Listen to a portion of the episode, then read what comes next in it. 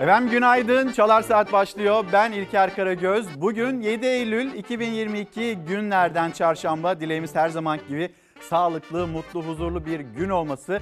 Yeni günün haberlerini aktarmak için bizler Çalar Saat'teyiz ve sizleri de bekliyoruz. Ben dilim döndüğünce, elimden geldiğince yeni günün notlarını, gazetelerini sizlere aktaracağım. Ve işaret dilinde de Ayça Aybüke Kurt sizlere o bilgileri yine ulaştıracak diyelim. Şöyle arkamda hemen gazeteleri görüyorsunuz. Yalnız şunu da hatırlatmış olalım. Bugünkü başlığımız keşke bu başlık altında konuşmak istiyoruz sizlerle. İlerleyen dakikalarda hangi haberin içinden ve bir gencin, bu ülkenin geleceği olan bir gencin kurmuş olduğu cümle neydi keşke diye başlayarak onu ekranlarınıza taşıyacağız. Siz söze keşke diye başlasanız devamını acaba nasıl getirirsiniz? Lütfen yazın gönderin bizlere. İlker Karagöz Fox Instagram adresim, Karagoz İlker Twitter adresim bu adreslerden bizlere ulaşabilirsiniz.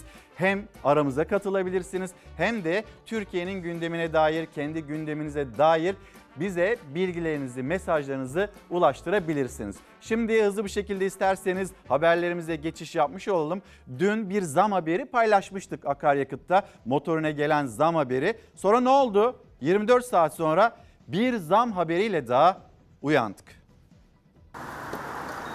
Eskiden 100 liraya gidip geliyorduk. Şimdi 400 lira koyuyoruz gene fayda etmiyor yani. Motorin üst üste 2 gündür zamlanıyor. Dün gelen 69 kuruşluk zam yetmedi. Bu gece yarısından itibaren 77 kuruş daha zamlandı. Litresi 26 lira oldu. Motorine bakıyorum. Başka bir yere bakmıyorum. Çünkü motorun demek gıda demek, yiyecek demek, aş demek, her şey demek. Üretim demek. Geçtiğimiz hafta akaryakıta gelen indirim haberleri bu hafta yerini yeniden zam haberlerine bıraktı. Dün hem benzin hem motorin zamlandı.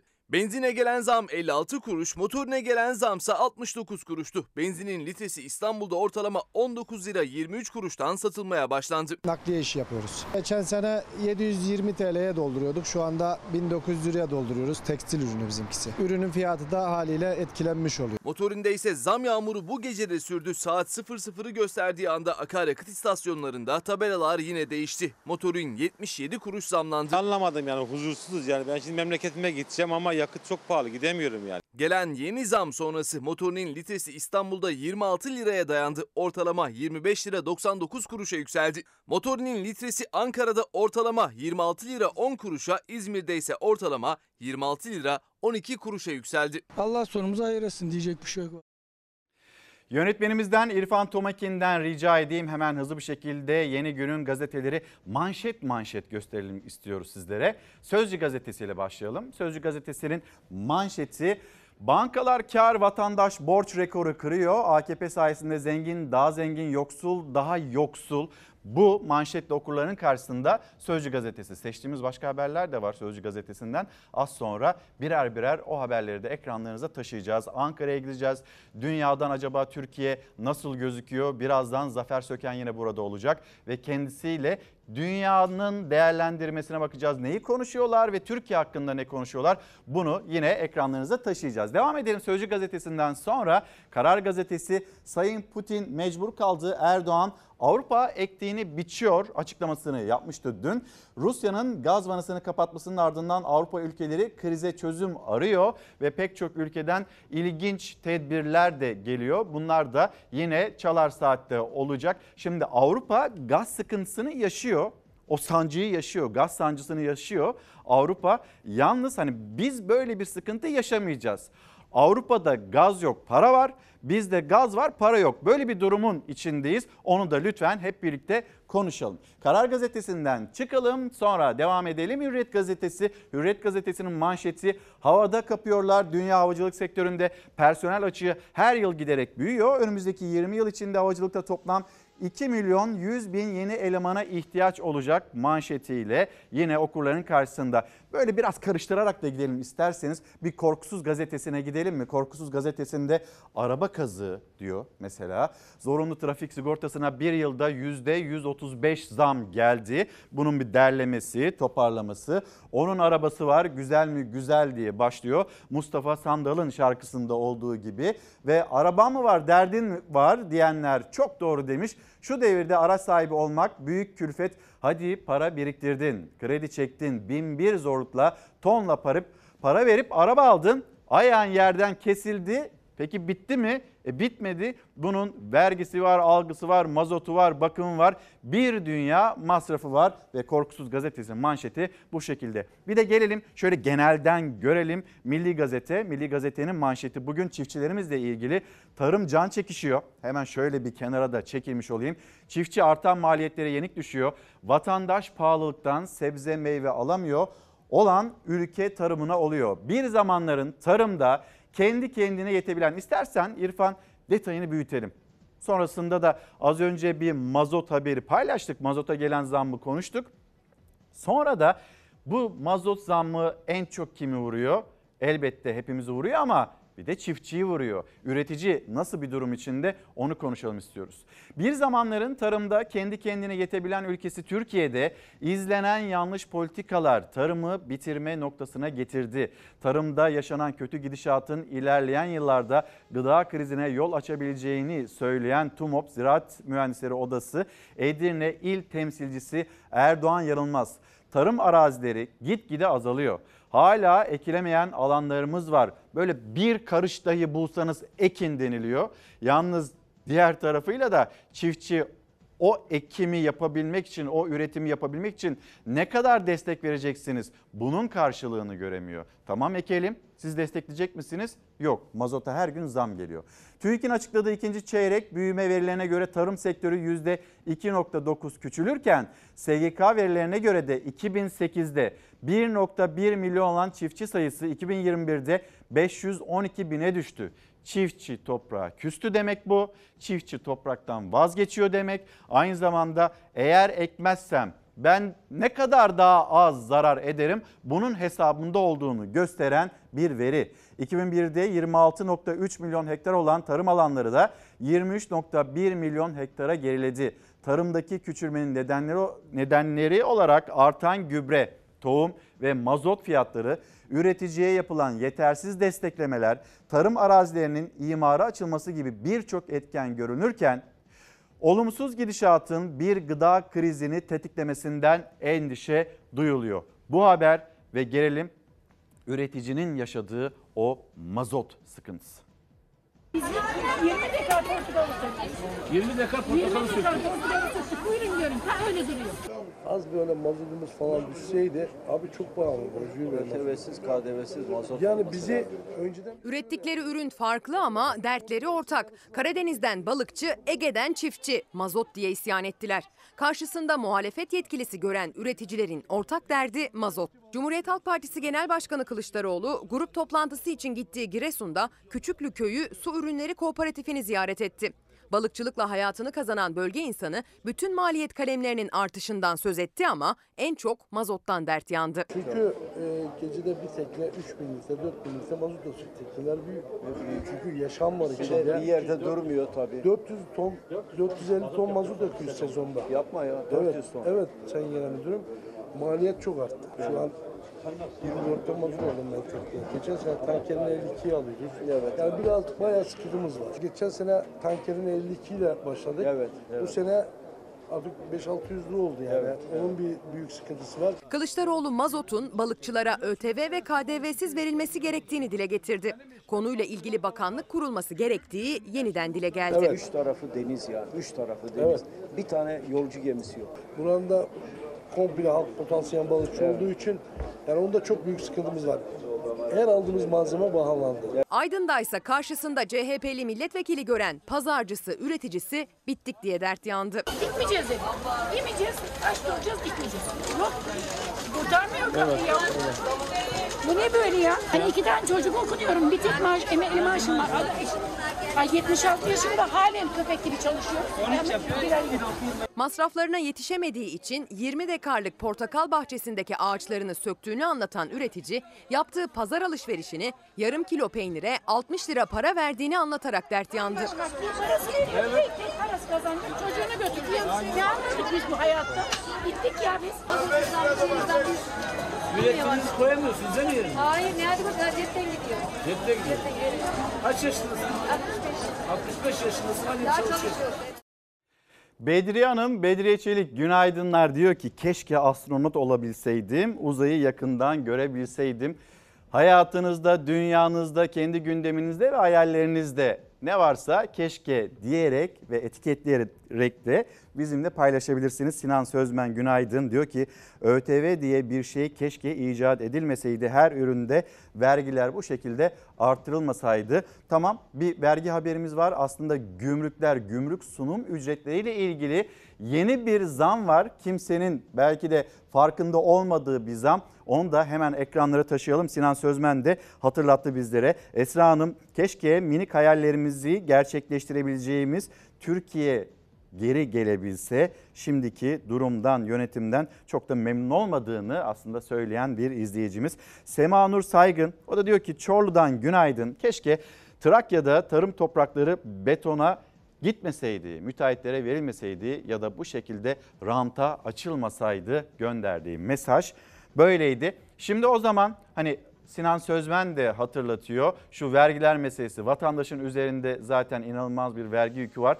Ödediğimiz faturalarda var. Dolaylı vergiler zaten bakıyorsunuz. Çalışan kesim olarak kaynağında kesilen vergiler var. Bir de hani elinize geçen, elinize kalan parayla gidiyorsunuz alışveriş yapıyorsunuz. Orada da dolaylı vergiler hayatımızda ve sürekli ama sürekli bir bütçe açığı var. Önümüzdeki günlerde yeni vergi zamlarının da habercisi olan bir orta vadeli plan karşımızda. Peki bir kalem daha gümrük sunum ücretleri orada da sessiz sedasız bir zam geldi. Bundan da haberdar olalım. Sunum ücreti dediğimiz ücrete ise bir yıl içerisinde %100 zam yapıldı. Geçtiğimiz yıl 8 lira olan gümrük sunum ücreti bu yılın başında 12 liraydı. Sessiz sedasız Ağustos ayında 16 lira oldu. Sessiz sedasız gelen vergi zammını vergi uzmanı Ozan Bingöl açıkladı. Yurt dışından alınan her ürüne uygulanan gümrük sunum ücretinin artırıldığını tespit etti. Yurt dışından vereceğiniz siparişlerde yani yurt dışından kargo ya da posta yoluyla vereceğiniz siparişlerde 2019'dan bu yana gümrük vergisi muafiyeti kaldırıldı. Bu da ne demek? Aslında gizli bir vergi zammı demek. Yani siz bugün yurt dışından 1 euroluk bile sipariş verseniz gümrük vergisi ve bunun yanında gümrük sunum ücretiyle damga vergisi ödemek zorundasınız. İthal edilen ürünler için zaten gümrük vergisi ödeniyor. Vatandaşların yurt dışından kargo yoluyla aldığı ürünler için de gümrük sunum ücreti var. Bu ücret sessiz sedasız zamlandı. Yurt dışından gelen 10 liralık bir ürününüzde dahi 3 lira gümrük vergisi, 16 lira gümrük sunum ücreti, 1 lira da damga vergisi olmak üzere 20 lira ilave ek ödeme yapmak zorundayız. Yani ürün 10 lira, 20 lira vergi ve benzeri ödeme yapıyoruz. Bize 30 liraya mal oluyor. Gümrük sunum ücreti alınan ürüne göre ürünün değerini bile geçebilir hale geldi. Yurt dışından 1 liralık bile bir ürün sipariş etseniz 16 lira gümrük sunum ücreti, 1 lira damga vergisi olmak üzere 17 lira ilave ödeme yapmak zorunda kalacaksınız. Sessiz sedasız gelen zamma dikkat çeken vergi uzmanı Ozan Bingöl vatandaşların vergiden payına düşeni fazlasıyla ödediğini ancak karşılığında gelirden payına düşeni alamadığını belirtti. Vatandaşlar olarak bizler bu yıl 532 ayrı kanuna dayalı olarak vergi, resim, harç ödüyoruz. Yani verginin vergisinin vergisini ödüyoruz ama yine yetiremiyoruz. Bugüne kadar vergiden payına düşeni fazlasıyla alanlar artık gelirden payına düşeni de almalılar. Şunu unutmamak gerekir. Bir ülkede vergi bilinci ne kadar yüksek olursa hak arama bilinci de o kadar gelişmiş olacak. Yaz kış yollarda çalışan karayolları taşeron işçileri onlara kadro sözü verildi. Keşke o sözler verildi de bir de tutulabilseydi mesajı. Afet Hanım günaydın. Mutlu sabahlar size de. Keşke ülkenin başında atamız olsa. Afet Hanım zaten öyle. Atamız zaten yine başımızda. Ve bakmayın siz birilerinin kurmuş olduğu o kötü kötü sözlere, cümlelere. Yıllar geçtikçe kalbimizde ve zihnimizde daha da büyüyerek başımızda atamız. Cumhuriyet Gazetesi. Cumhuriyet Gazetesi'nin manşetini şöyle bir büyüterek okuyalım. Baskıya karşı direniyorlar. Aydınları, sanatçıları ve siyasileri susturmak istiyorlar. Kılıçdaroğlu ile neden görüştün? Mesela bu bir baskı aracı olarak kullanıldı mı? Atatürkçü ilahiyatçı yazar ve öğretmen Cemil Kılıç'a Milli Eğitim Bakanlığı soruşturma açtı. Kılıç'a Kılıçdaroğlu ile neden görüştün? ve neden retweet yaptın diye soruldu. Kılıç müfettişlere layık Türkiye Cumhuriyeti'nin memurları olarak siz bana nasıl inançlarımla ilgili soru sorabilirsiniz tepkisini gösterdi. Afet Hanım bakın atamız hala başımızda. Atanın yetiştirdiği nesiller, gençler hala buradalar. Ranta ve yapılaşmaya neden savaş açtın? Bir kent savaşçısı kendisi. Başta AOÇ olmak üzere yapılaşma ve rant ilişkilerine yönelik mücadele veren Mimarlar Odası Ankara Şube Başkanı Candan, Tezcan Karakuş Candan memuriyetten çıkarıldı ve Candan bu devletin kendi memuruna kurduğu komplo. FETÖ gibi aynı saray boşaltılacak, Togo yıkılacak ve bunu yapanlar yargı önünde hesap verecek. Bir kent savaşçısı olarak mücadele veriyor. Çankaya Belediyesi'nde, Ankara'da Çankaya Belediyesi'nde mimar olarak bir mücadele veriyor. Görev de yapıyordu. Kendisini bankamatik memuru olmakla suçlayanlar var, itham edenler var. E, o kişi mesela Sinan Aygün, Sinan Aygün'ün iddiası İçişleri Bakanlığı'na taşındı. İçişleri Bakanı Süleyman Soylu soruşturma izni verdi ve sonrasında e, Candan görevinden alındı, memuriyetten alındı. Peki oturduğu yerden maaş mı alıyordu? Hayır kesinlikle öyle yapmıyordu aslında. Çünkü biz bunu görüyoruz. Verdiği mücadeleyi de görüyoruz. Togo kuleleri, haksız bir kazancın olduğu Toga Kuleleri, açmış olduğu bir savaş ve mücadele vardı. Kent için, Ankara için, Cumhuriyet'in başkenti için. Anka Park mesela bunun ne kadar büyük bir garabet olduğunu ilk söyleyenlerden birisiydi. Üstelik haksız, hukuksuz bir şekilde Türkiye Cumhuriyeti vatandaşlarından alındığını söyleyen kişiydi. Atatürk Orman Çiftliği'nin ranta ve talana açılmasına itiraz eden kişiydi. Bankamatik memuru deniliyor kendisine. Bir de bunu söyleyenler acaba iki maaş alanlar, üç maaş alanlar, hayır canım maaş değil onlar, ikramiye diyenler. Onlarla ilgili bir cümle kuruyor mu? Yok onu görmüyoruz. Şimdi bilimin doğrularını neden söyledin? Profesör Doktor Celal Şengör, onların hepsi masal. İbrahim diye bir adamın yaşadığı malum değil. Bütün bu söylenen kişiler tarihte yok. Bunların hepsi o üç tane kutsal kitap denilen e, aslında sözleri nedeniyle hakim karşısına çıktı. Şengör ben bir bilim tarihçisiyim, tarihçisiyim. Bilimin doğruları neyse onu söyledim dedi ve hakkında e, dini alenen aşağılamaktan soruşturma başlatıldı. Polislerin hakkına neden sahip çıktın? Mesela bir başka isim Murat Bakan. Emniyet Genel Müdürlüğü polise verilen 300 liralık promosyonu gündeme getiren CHP'li milletvekili Murat Bakan hakkında suç duyurusunda bulunacağını belirtti. Açıklamaya terör örgütleriyle yapılan mücadele de eklendi. Bakan polisin hakkını savundum. Bu benim için bir şeref ama Soylu için utançtır yanıtını verdi. Şimdi bir promosyon meselesi var bankalardan alınan. Hatta emeklilerimiz banka banka dolaşıyor daha iyi bir promosyon alabilmek adına. E bakıyorsunuz öğretmenlerin promosyonu düşük kaldı. Polislerin de bu konuda yaşamış olduğu bir mağduriyet var. Bunu hatırlatan bir milletvekili var. CHP'li milletvekili Murat Bakan ve kendisi hakkında da bir soruşturma Emniyet Genel Müdürlüğü tarafından açılıyor ya da açılacağı söyleniyor. Şimdi Bugünkü başlığımız keşke bu başlığı hangi haberden seçtik derseniz dün ana haber bültenimizde vardı. Bu ülkenin genç hekimleri onlar şu anda okuyorlar hastanelerde e, büyüklerinden, ustalarından, profesörlerden eğitimlerini alıyorlar. Peki hayalleri, bu ülkeye dair hayalleri var mı? Hayır yok. Bir yandan özlük hakları meselesi, diğer yandan sağlıkta yaşanılan şiddet ve önüne geçilemeyen şiddet her ne kadar yasalarla korunmaya çalışılsa da sağlık personeli onlar kendilerini güvencede hissetmiyorlar. Belki de Profesör Doktor Esin Davutoğlu Şenol ve onun başına gelenlere bakıp da bu yönde karar veriyor da olabilirler. Ve onlar memleketten gitmeye çalışıyorlar ve her geçen gün zihinlerinde bu fikirden daha ilerisi yok. Türkiye'de çalışmayı düşünmüyorlar. Ve diyorlar ki keşke böyle olmasaydı. Bu sınavda başarılı olursanız cerrahi düşünüyor musunuz? Yok Türkiye'de düşünmüyorum. Ama yurt dışında düşünebilirim. Son 6 aydır ben çalışmıyordum TUS'a. Almanca çalışıyorum. Almanya gitmek için hazırlık yapıyorum. 26 yaşındaki tıp fakültesi mezunu Erdem Altan uzmanlık için hazırlığı bir yana bıraktı, Almanca öğrenmeye başladı. Çünkü hekimliği Türkiye'de yapmama kararı aldı. Hemşire eşiyle birlikte Almanya'ya gitmeye hazırlanıyor. Sizi oraya yönlendiren iten ne oldu? Ee, aslında çalışma saatleri, e, daha sonra hakkını alabilmek. Almanya'da mesela bir genel cerrah 16 saatin üstünde nöbet tutmuyor eşim için konuşursam ama burada e, nöbet sonrası da çalışmalar e, vardı. Bir de sağlıkta şiddetin artması. Bunlar hepsi böyle birikti bizde. Ülkemde çalışmayı çok isterdim. İşler düzelirse dönmeyi düşünüyoruz. İnsan kendi ülkesinde kendi insanına hizmet vermesi bambaşka. Keşke böyle olmasaydı diye her an içimizden söylüyoruz yani. 4 yıllık evli Altan çifti. Hemşire Busenur Altan ve doktor eşi Erdem Altan Almanya'ya gitmek için 6 aydır dil öğreniyor.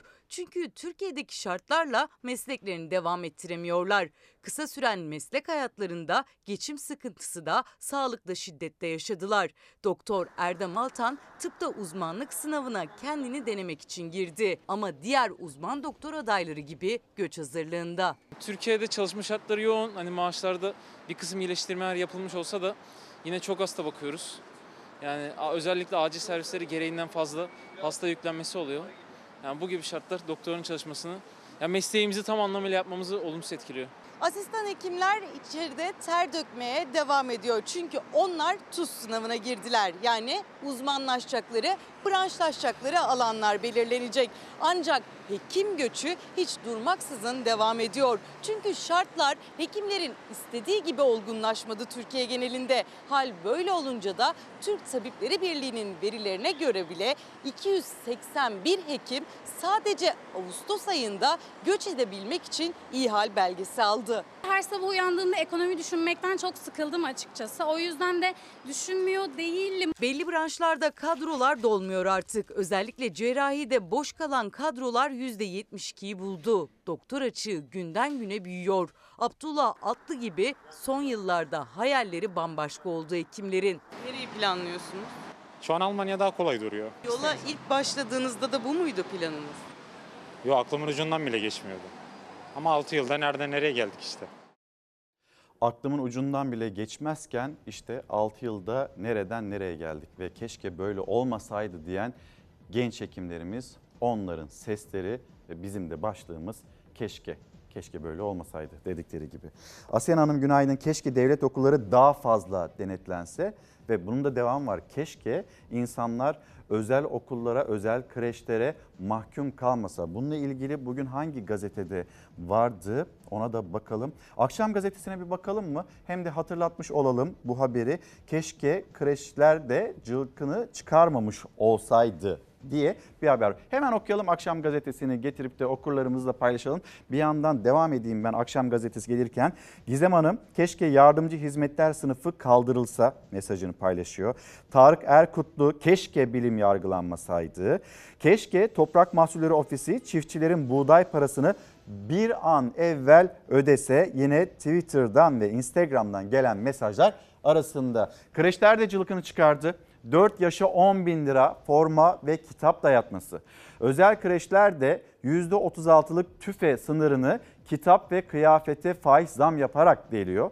İstanbul Halkalı'daki bir özel okulun kreşi 4 yaşındaki öğrencinin kitapları için 7500, forması için de 2200 lira istiyor. Verilere formayı almak zorundasınız ama giydirmeyebilirsiniz diyen okul e, kitapların kendilerinden alınmasını da zorunlu tutuyor. Yani sonrasında da bu rakamları alt alta topladığınızda 10 bin lira gibi bir bütçe çıkıyor. İnsanlar, insanların bütçesi buna el veriyor mu? Yine bunu da konuşalım. Belki bu konuya dair de bize aktaracağınız haberler olacaktır. Bir gazete pencere diyelim. Gazete pencerenin detaylarını, ayrıntılarını okuyalım sizler için seçmiş olduğumuz.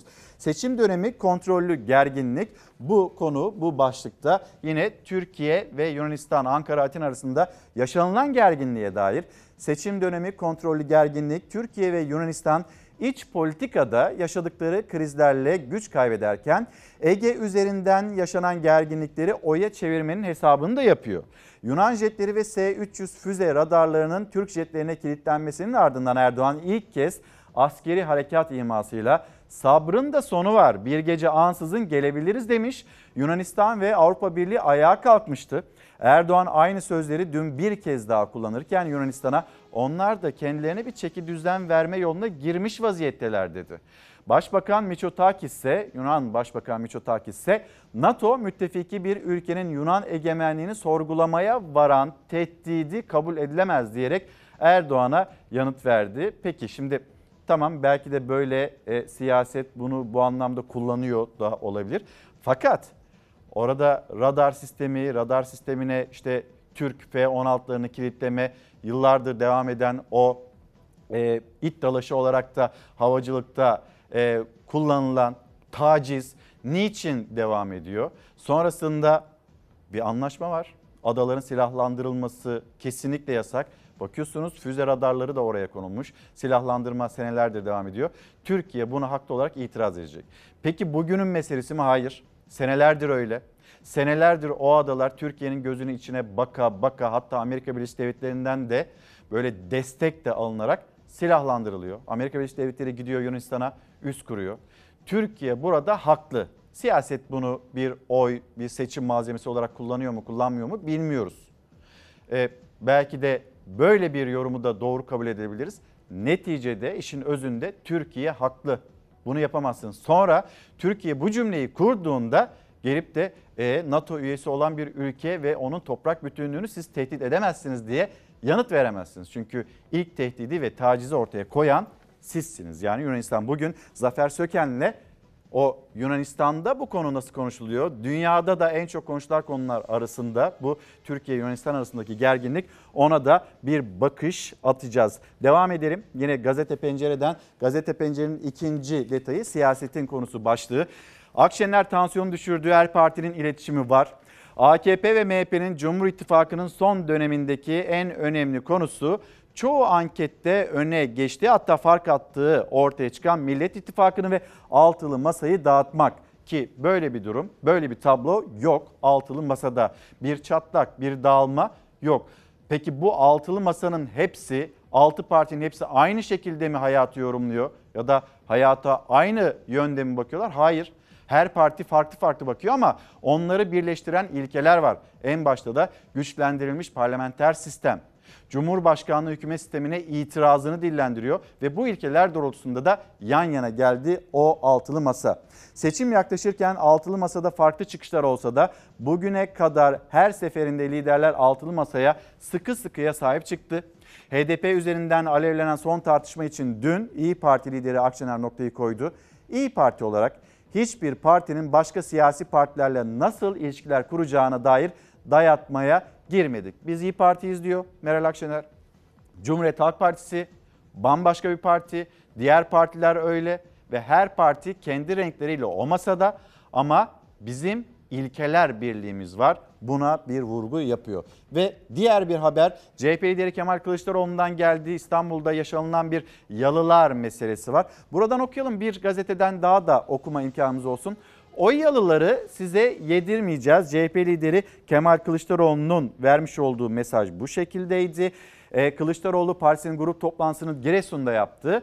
CHP lideri İstanbul'da iki tarihi yalının hazineye devredilmesi için İstanbul'da İstanbul Büyükşehir Belediyesi'nin iki yalısına el koydular.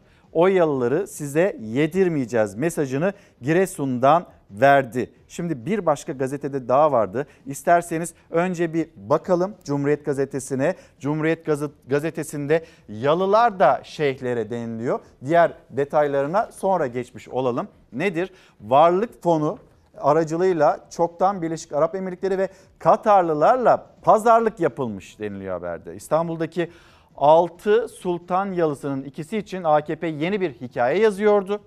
Varlık fonundaki değerler önce Katar piyasasında görücüye çıkarıldı. Ardından Birleşik Arap Emirlikleri ile açık gizli pazarlıklar yapıldı. İstanbul Büyükşehir Belediyesi'nden kiraladığınız mülkleri nasıl satışa çıkarıyorsunuz diye soran olmadı. Ta ki Ekrem İmamoğlu başkan oluncaya kadar Tuncay Molla Veyseloğlu'nun haberi yine ilk sayfada yer alıyor. Hem bu değerlendirmeler hem bir detaylı bakalım ve CHP lideri Kemal Kılıçdaroğlu yalılarla ilgili verdiği mesajlar. İstanbul Belediyesi'nin iki yalısına da el koydular. Kupon arazileri soran adam şimdi yalıları nasıl götüreceğiz, iç edeceğiz? Yalı tartışması büyüyor. 7 milyar lira değerindeki tarihi yalılar İstanbul Büyükşehir Belediyesi'nden alındığı hazineye devredildi. Mülk sahibi belediye ile kiracı özel şirketin davası iktidarla muhalefet gerilimine dönüştü. O yalıları size yedirmeyeceğiz. O yalılar bu ülkenindir.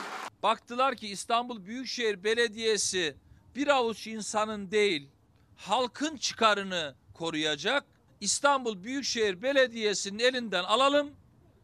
İstediğimiz gibi işi çevirelim, kıvıralım. Başkalarına paketlemeye devam edelim. Sadece kral dairelerinden oluşan 7 yıldızlı lüks otel olarak yeniden restore edilip işletilmesi için kiraya verildi. İstanbul Ortaköy'deki Hatice ve Fehime Sultan yalıları 8 yıldır mülkiyet hakkı da İBB'deydi. Hala şantiye olarak yalılarda inşaat faaliyetlerinin sürmesi ve tarihi yalılara zarar verildiği iddiasıyla kiracının tahliyesini istedi yeni İBB yönetimi. Kiracı Türk Hava Yolları'na bağlı İkram Hizmetleri şirketi ise 130 milyon dolar yatırımlarını gerekçe gösterip çıkmadı. Valiliğin ve kaymakamlığın da devreye girmesiyle komisyon kurularak yalılar İBB'den alındı. Devir Tasfiye Paylaştırma Komisyonu. Devredelim, tasfiye edelim, sonra da paylaştıralım. Nasıl bir paylaştırma yapılacaksa 8 yıl önce Devir, Tasfiye ve Paylaştırma Komisyonu'nun oy birliğiyle İBB'ye verdiği yalılar bu kez 8'e 1 oy çokluğuyla geri alındı. Çevre ve Şehircilik Bakanlığı'na bağlı milli emlağa verildi. İBB kararı mahkemeye taşıdı. Gasp iddiasına ise Çevre ve Şehircilik Bakanlığı yazılı bir açıklamayla yanıt verdi. Tüm işlemler kanunların emrettiği şekilde uygulanmıştır denildi. Niçin? Boğaz kenarında. Dünyanın parası eder orası. Osmanlı'nın iki tane nadir e, yalısı var ve üstünde ot bağlamış bakın. İstanbul Büyükşehir Belediyesi Genel Sekreter Yardımcısı Mahir Polat'ın dikkat çektiği 13 yıldır bitmeyen şantiyenin otları da sökülmeye başlandı. Polat, denetim yetkileri olmasına rağmen içeri alınmamıştı. İçeriden çekilen bu görüntüleri paylaştı. Poşetlerin altında tarihi eserlerin çürütüldüğünü, tarihi yapıların altında kaçak imalatlarla imar vurgunu yapıldığını ileri sürdü. 16 milyonun hakkının korunması konusunda üzerimize düşen vazifeyi yerine getireceğiz. Aydın Bey günaydın. Keşkeler bitmez. Keşke insanların yüzünde gülümseme eksik olmasa. Keşke insanlar eskisi gibi umutlu, mutlu olsa mesajını paylaştı bizimle. Belediye işçileri de keşke dememek için 450 bin belediye şirket işçilerine kadrolarını verin mesajını paylaşıyor. Şimdi gelelim Bir Gün Gazetesi bilime değil dine yatırım. Eğitime, bilime kaynak ayırmayan iktidar yatırımı dine yapıyor. Bir yılda okul sayısı tam 1095 azalırken cami sayısı ise 372 arttı diyor Bir Gün Gazetesi. Burada kalalım sandık yatırımı onu zaten okuduk. Sandık yatırımı hani neyi kapsıyor, ne denilmek isteniyor bir açalım. İktidardan seçime endeksli rüşvet gibi paketler geliyor. Kredi hazırlığı Hazine ve Maliye Bakanı Nurettin Nebati'nin Ankara'da gerçekleştirdiği toplantıda kredi garanti fonu destekli yeni bir paketi, kredi paketi hazırlığı olduğunu söylediği ileri sürüldü. Hatta bu ayın 15'inden sonra açıklanacağıyla ilgili bilgiler, kulis bilgileri de var. Yani bir kredi musluklarının açılması gündemde konuşuluyor. EYT Aralık'ta Çalışma ve Sosyal Güvenlik Bakanı Vedat Bilgin, milyonların beklediği emeklilikte yaşa takılanlar düzenlemesinin Aralık ayı gibi gündeme geleceğini söyledi. Aralık ayı gibi gündeme gelir, sonra ne zaman çözülür ona da bakacağız. Bir takvim olması gerekiyor. Sözleşmeli personel Bakan Bilgin sözleşmeli personel çalışmasının da bitmek üzere olduğunu açıkladı. Meclis açıldığında sözleşmeli personel dosyası gündeme getirilecek ve bunların hepsi de alt alta toplandığında sandık yatırımı olarak gözüküyor. Akşam gazetesine bir geçelim. Akşam gazetesinde 6 bin hekim devlete dönüyor. Sağlık Bakanı Fahrettin Koca'nın bir açıklaması değerlendirmesi. Burası Türkiye. Bakan Koca 34 günde 5 bini uzman 6 bin hekimin kamuya dönmek için başvurduğunu açıkladı. Koca 13 Ağustos'ta resmi gazetede yayımlanarak yürürlüğe giren beyaz reform sonrası kamuya rağbetin arttığını söyledi. İstanbul'da 1350, Ankara'da 650, İzmir'de 600, Hatay'da 130, Diyarbakır'da 170 hekim kamuya dönmek için başvuru yaptı. Keşke hiçbir hekimimizi, o başarılı gençleri de hekimlerimizde hiçbirini kaybetmesek ve onlar yurt dışına yönlerini ve yüzlerini dönmek zorunda kalmasa. EYT Aralık'ta yine akşam gazetesinde bir daha okuyalım. Bakan Bilgin sözleşmeli personelle ilgili çalışmalar tamamlanmak üzere dedi. Bilgin ardından taşeron işçilerin Aralık'taysa EYT'nin gündeme geleceğini söyledi. Akşam gazetesinden bir sabah gazetesine geçelim. Sabah gazetesinde ekonomiye dair bazı gündem maddeleri var. Hani ekonomiyi biraz böyle onun konuşulmasını kamufle eder nitelikte de gözüküyor. E, o konular, o gündemler böyle hızlıca hayatımıza giriyor ve sonrasında sadece bizim baş başa kaldığımız mesele cebimiz. Mutfaktaki yangın, pahalılık, çarşı pazar bunlar oluyor. Ama diğer konular önemsiz mi? Elbette önemli. Okuyalım. Sabrımız taşarsa gereğini yaparız. Bunu Sabah gazetesinden okuduğumuz gibi dünyada da değerlendirmesini birazdan yapacağız. Başkan Erdoğan Bosna Hersek'ten Yunanistan'ı uyardı. Bize gayrimeşru tehditler devam ederse sabrın da bir sonu var. O vakit saat gelir, gereği yapılır. Ve bir başka haber daha Sabah gazetesinde Avrupa'da gaz paniği, Rusya'nın doğalgazı kısmasıyla kriz- krize giren Euro bölgesi çok sert tedbirler almaya başladı. Fransa enerji tasarrufu için tren seferlerini azaltıyor. İtalya'da restoranlar ışıkları söndürüp mum yakmaya başladı. Almanya'da binalar ve anıtlar artık aydınlatılamıyor. İsviçre'de ise tasarruf tedbirlerine uymayanların 3 yıla kadar hapisle cezalandırılabileceği vurgulanıyor. Ve bir de tavsiye var tabii. Türkiye'ye gidebilirsiniz. Türkiye'de ısınabilirsiniz. Çok da güzel yaşarsınız. Çünkü bizim paramız Türk lirasından değerli. 600 euroyu verin 22 gün. Burada kendi memleketinizde yaşadığınız yerde Avrupa Birliği'nde o paralara kalamazsınız. Ne enerjiyi dert edin, ne ısınmayı dert edin. Hem de muhteşem doğası var. Böyle böyle kampanyalar var. Bizim insanımız kendi ülkemizde, memleketimizde bunu yaşayamazken Avrupa'da emeklilere böyle tavsiyeler de geliyor. Keşke böyle olmasaydı. Yine işin sonu, işin özü buraya doğru geliyor. Bakıyorsunuz gündeme siyasette rüşvet iddiaları böyle ortaya saçıldı, soruşturmalar. Gazetelere bakıyorsunuz çoğunda artık yine bunu göremiyorsunuz. Yeni bir gündem, o yeni gündemin ülkeyi kuşatıyor vaziyeti ve sonrasında da rüşvet iddialarının daha az konuşulması, ilerleyen günlerde hiç konuşulmaması mesela. Belki de böyle bir yol, yöntem izleniyor. Ama yine de muhalefetin gündeminde. Mesela Gelecek Partisi lideri Ahmet Davutoğlu rüşvet iddialarının takipçisi. Sadece Sedat Peker'in cümlelerine bakarak biz bir adım atmıyoruz dedi. Kendi gördüğümüz, bildiğimiz isimler ve dosyalar bunların da takibini yapıyoruz dedi. Devamını bakın nasıl getirdi. ortada bir bir şey kuruluyor, bir e, iklim oluşmuş. Şimdi Sayın Külünkün her şeyden önce arınmayı kendisinden başlatması lazım. Yani Niye? 10 bin doları aldı mı almadı mı? Yani hakkında bir şaibi var. Ben kendisini gençlik yıllarından tanırım. Onu bir hedef olarak söylemiyorum. Ama tespit doğru. Arınmaya ihtiyaç var. Bakın şimdi işte yeri gelmedi mi? Tam da 2014'te ben bu arınmaya ihtiyaç var diye 2014'te 2015'te partide siyasi etik kurul kurdum. Siyasi etik kurul kurulmasını istedim. Sayın Erdoğan buna da karşı çıktı o zaman. Kurduktan sonra da pasif hale getirdi.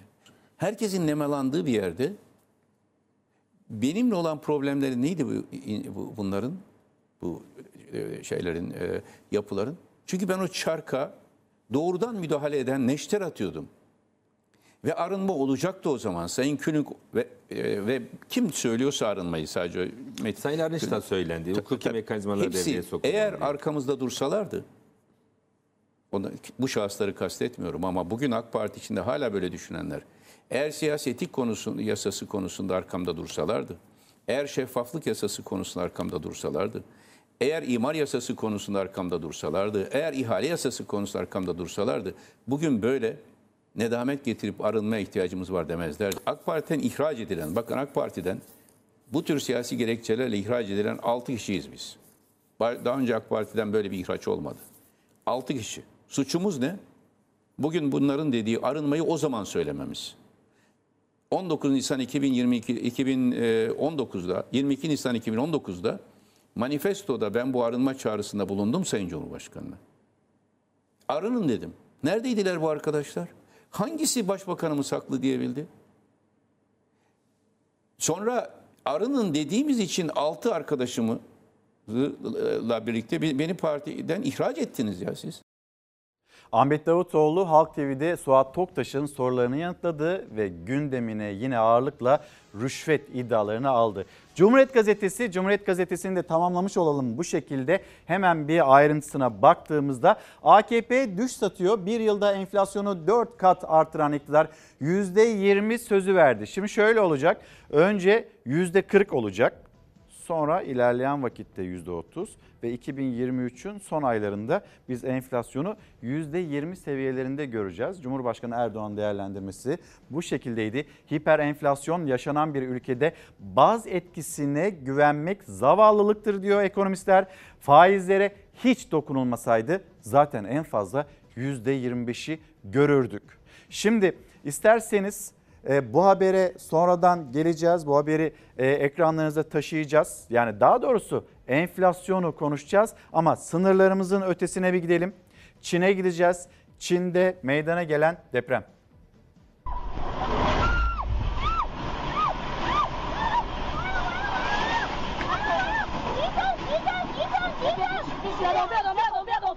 ...6,8 büyüklüğündeki deprem Çin'e kabusu yaşattı. Binalar yıkıldı. Depreme otomobilde yakalanan yolcular büyük korku yaşadı.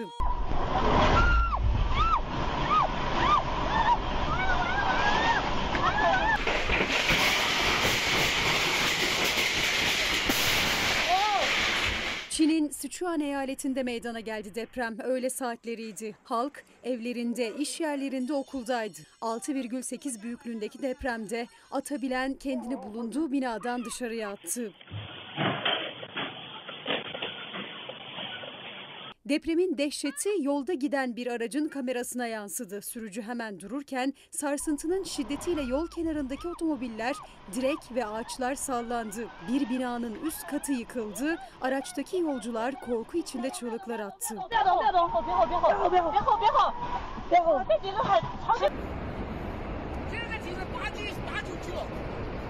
Depremde dağlık bölgelerde toprak kaymaları yaşandı. Birçok bina yerle bir oldu. Enkaz altında kalanlar için arama kurtarma çalışmaları başlatıldı. Felakette şu ana kadar 65 kişinin cansız bedenine ulaşıldı. 250 kişi de yaralandı. Maalesef inanılmaz görüntüler. Efendim şimdi hızlı bir şekilde reklamlara gideceğiz. Döndüğümüzde yine çalarsa çok hızlı bir şekilde devam edecek. Gitmeden hemen önce gelen kitaplar var onları da göstermek istiyorum. Pera Turgay Akpınar tarafından yazıldı bizimle paylaşıldı. Çok teşekkür ederiz. Sevtap Çapan Mehmet o bir oğul, o bir koca, o bir baba, o bir asker. Ve Kahraman Eroğlu Hayat Özlem Kayalı Müdür Baba adlı kitapları yine bizlere gelen kitaplar arasındaydı. Şimdi hızlıca reklam dönüşte buluşalım. Su siyasetçileri dedi. Böyle bir pazarlığa dönüşürse Tam bir baskın yönetmelik oldu. Ben bunda değilim bu yanlıştır zaten diyorum. İkinci bir kur krizini engellemeye çalışıyorlar. İsabetli yorumlarla, kulis bilgilerle, son dakika haberleriyle, önemli haberlerle karşınızda olacağız. İkinci sezonda aynı heyecan, aynı kararlılıkla başlıyor. Cuma akşamlarının klasiği orta sayfa 9 Eylül'de izleyicilerine merhaba diyor. Olup biteni anlatacağız. Temiz bir ekran vaat ediyoruz. Temiz ekran ve sadece gerçekler. Belgeli habercilik orta sayfayla geri dönüyor. Toplamda 2,5 milyon hane elektrik desteğinden yararlanacak denilmiş. Haberin saati yok. En sıcak haberleri yine orta sayfa duyuruyor. Resmi gazeteyi bekliyoruz. Bakalım geçen hafta olduğu gibi sürpriz e, olacak mı? Kapıların ardında ne mi konuşuldu? O kapıyı da orta sayfa aralıyor. 5500 civarında bir şey olsun da denilebilirmiş o. Seçim yolculuğunda en doğru analizlerin adresi de yine orta sayfa. Soruşturun bakalım kaç tane işletmenin faturaları ödenemiyor. Fakat olmuyor olmuyor olmuyor çünkü taşıma suyuyla değirmen döndürüyorlar. Az kaldı 9 Eylül'de başlıyoruz. Size İzmir'den merhaba diyeceğiz. Bu topraklar için çok önemli bir tarihin yıl dönümünde bir tarihin yazıldığı yerde olacağız. Çok kritik bir seçime giriyoruz. Tarafsız, cesur ve bağımsız ekranımızda konuşulmayanı yine biz konuşacağız. Gerçekleri sizinle buluşturacağız. Orta sayfa 9 Eylül Cuma 23.30'da Fox'ta. Efendim bir kez daha günaydın. Çalar Saat'te gündemin notlarını aktarmaya devam ediyoruz. Az sonra Ankara'ya gideceğiz. Ankara'da siyasetin gündemi hani bu başlıklara bakıyoruz ama bir yandan da bir beklenti içinde olan kesimler var, esnafımız var ve esnafımızın mesela kırtasiye esnafının sorunlarını birazdan Yeşim Karacaoğlu bize Ankara'dan Ziraat Mahallesi'nden aktaracak. Öncesinde bir memleket havası diyelim sonra yavaş yavaş ilerleyelim. Sıcaklık artışı başlıyor, serin sonbahar havası yeniden yaza dönüyor. Yer yer etkisini sürdüren yağışlarsa doluya dönünce en çok üreticiyi zorluyor. Mersin Erdemli'de ve Kars Kağızman'da etkili oldu dolu yağışı. Erdemli'nin Avgadı Yaylası'nda etkili olan dolu ekili arazilerde fidanların dallarını kırdı. 10 dakika etkili olan dolu nedeniyle biber, fasulye, domates gibi sebzelerle elma başta olmak üzere meyve ağaçlarının zarar gördüğü bildirildi. Bir geçiş mevsimi yağışı olan dolu Kars Kağızman'da da etkisini gösterdi. 5 dakika yağan dolu ilçe merkezindeki ağaçlara zarar verdi. Çok büyük bir dolu maalesef atlattık. Yerde görüyorsunuz. Ceviz bile bu haldeyse diğer meyveler düşürmek bile istemiyorum. Bugün yağışlar yurdun kuzeydoğusunda etkili olacak yine. Doğu Karadeniz kıyılarında ve Doğu Anadolu'nun kuzey illerinde hava yağışlı. Doğu Karadeniz kıyılarında yağışların gün ortasında özellikle kıyı şeridinde kuvvetlenme ihtimali var. Benzer şekilde Artvin, Ardahan, Kars çevrelerinde de yağış geçişleri bekleniyor bugün. Serin havanın etkisi ise bugün sürüyor. Özellikle doğuda termometreler normallerin yaklaşık 4-5 derece altında seyrediyor. Perşembe gününden itibaren sıcaklıklar artmaya başlayacak. Cuma, cumartesi, pazar birer ikişer ısınacak hava. Sonbahar geldi dedirten serin havanın yerini mevsim normallerinde sıcak hava alacak. Ancak hafta sonundan sonra yine bir serinleme yaşanabilir. Yağışlı hava ise bugünden yarına hafifliyor. Perşembe Doğu Karadeniz kıyıları hafif yağışlı. Sonrasında ise yurt genelinde yağışsız bir süreç başlıyor. Engin Bey günaydın. Engin Güner diyor ki keşke, keşke kelimesini kullanmak zorunda kalmasak. Keşke bunları yaşamıyor olsak, konuşmuyor olsak, sizlere daha fazla güzel haberleri ulaştırabiliyor olsak. Şimdi Milli Gazete'ye bakalım. Milli Gazete'nin manşeti çiftçimizle ilgiliydi. Bir diğer seçmiş olduğumuz haberde o da aslında veliler, anne babalar onlarla ilgili çocuklarımız heyecanlı ve minikler ee, anaokulu öğrencileri ve ilkokul 1'e başlayanlar e, Deniz ve onun arkadaşları aslında okullu oldu ve bütün herkes için de dersleri 12 Eylül'de çalacak. Çalacak ama nasıl çalacak veliler için? Bakın okula başlamanın maliyeti 5 bin lirayı buluyor. Eğitim ve öğretim sezonunun açılmasına sayılı günler kaldı. Kırtasiye ürünlerindeki yüksek fiyatlar öğrenci ve velileri zor durumda bırakıyor. Ekonomide yaşanan dalgalanmalar kırtasiye ürünlerinin fiyatlarına zam olarak yansırken okuyan çocuğu olan veliler masraflardan dertli. Çocukların başta kırtasiye masrafları olmak üzere servis ücreti ve diğer maliyetleri de eklenince sadece okula başlama maliyeti 5 bin lirayı buluyor. Şimdi şöyle yapalım. Hemen bir Ankara'ya gidelim. Ankara'da bizi Fox Haber'den Yeşim Karacaoğlu bekliyor. Yeşim Karacaoğlu bizi Ziraat Mahallesi'ne götürecek. Ankaralılar bilir ama Ziraat Mahallesi Ankara için niçin önemlidir ve nasıl bir adrestir? Yeşim Karacaoğlu bizlere aktaracak. Yeşim günaydın. Seni dinliyoruz. Ziraat Mahallesi önemi ve şu anda bulunduğun yer. Niçin oradasın?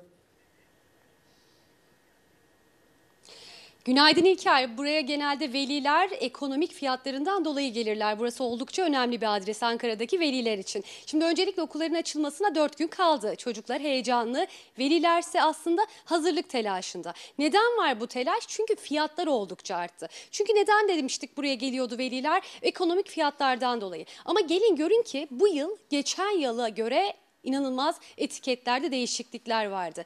Her şey o kadar pahalıydı ki adeta veliler belki de kılı kırk geren bir mücadele içine girdi ve böyle kırtasiye kırtasiyede dolaşıyorlar aslında. Şimdi gelin isterseniz biz de bir karşılaştırma yapalım sonra devam edelim.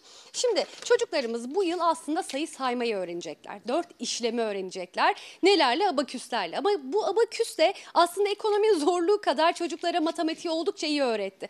Bu abaküs geçen yıl 6 liraydı. Bu yıl 20 20 liraya kadar yükseldi fiyatı. Bir kalem değil mi Öğren öğrencinin aslında olmazsa olmazı ama bu kalem geçen yıl 75 kuruştu. Bu yıl 2,5 liraya satılıyor ki bu bunlar da tabii ki marka marka değişiyor ve çok daha yüksek fiyatlara satılanlar var. E peki defter öğrencinin her şeyi aslında bakıldığı gibi kalem kadar bir defterin fiyatı da bakalım fiyatına geçen yıl 6 liraymış bu defter bugün 39 liradan satılıyor. Yani gerçekten veliler aslında büyük çıkmazda nasıl bu işin ekonomisini e, ayarlayabileceklerini oturtmaya çalışacaklarını düşünüyorlar. İşte bu nedenle de bu adreslerden biriydi.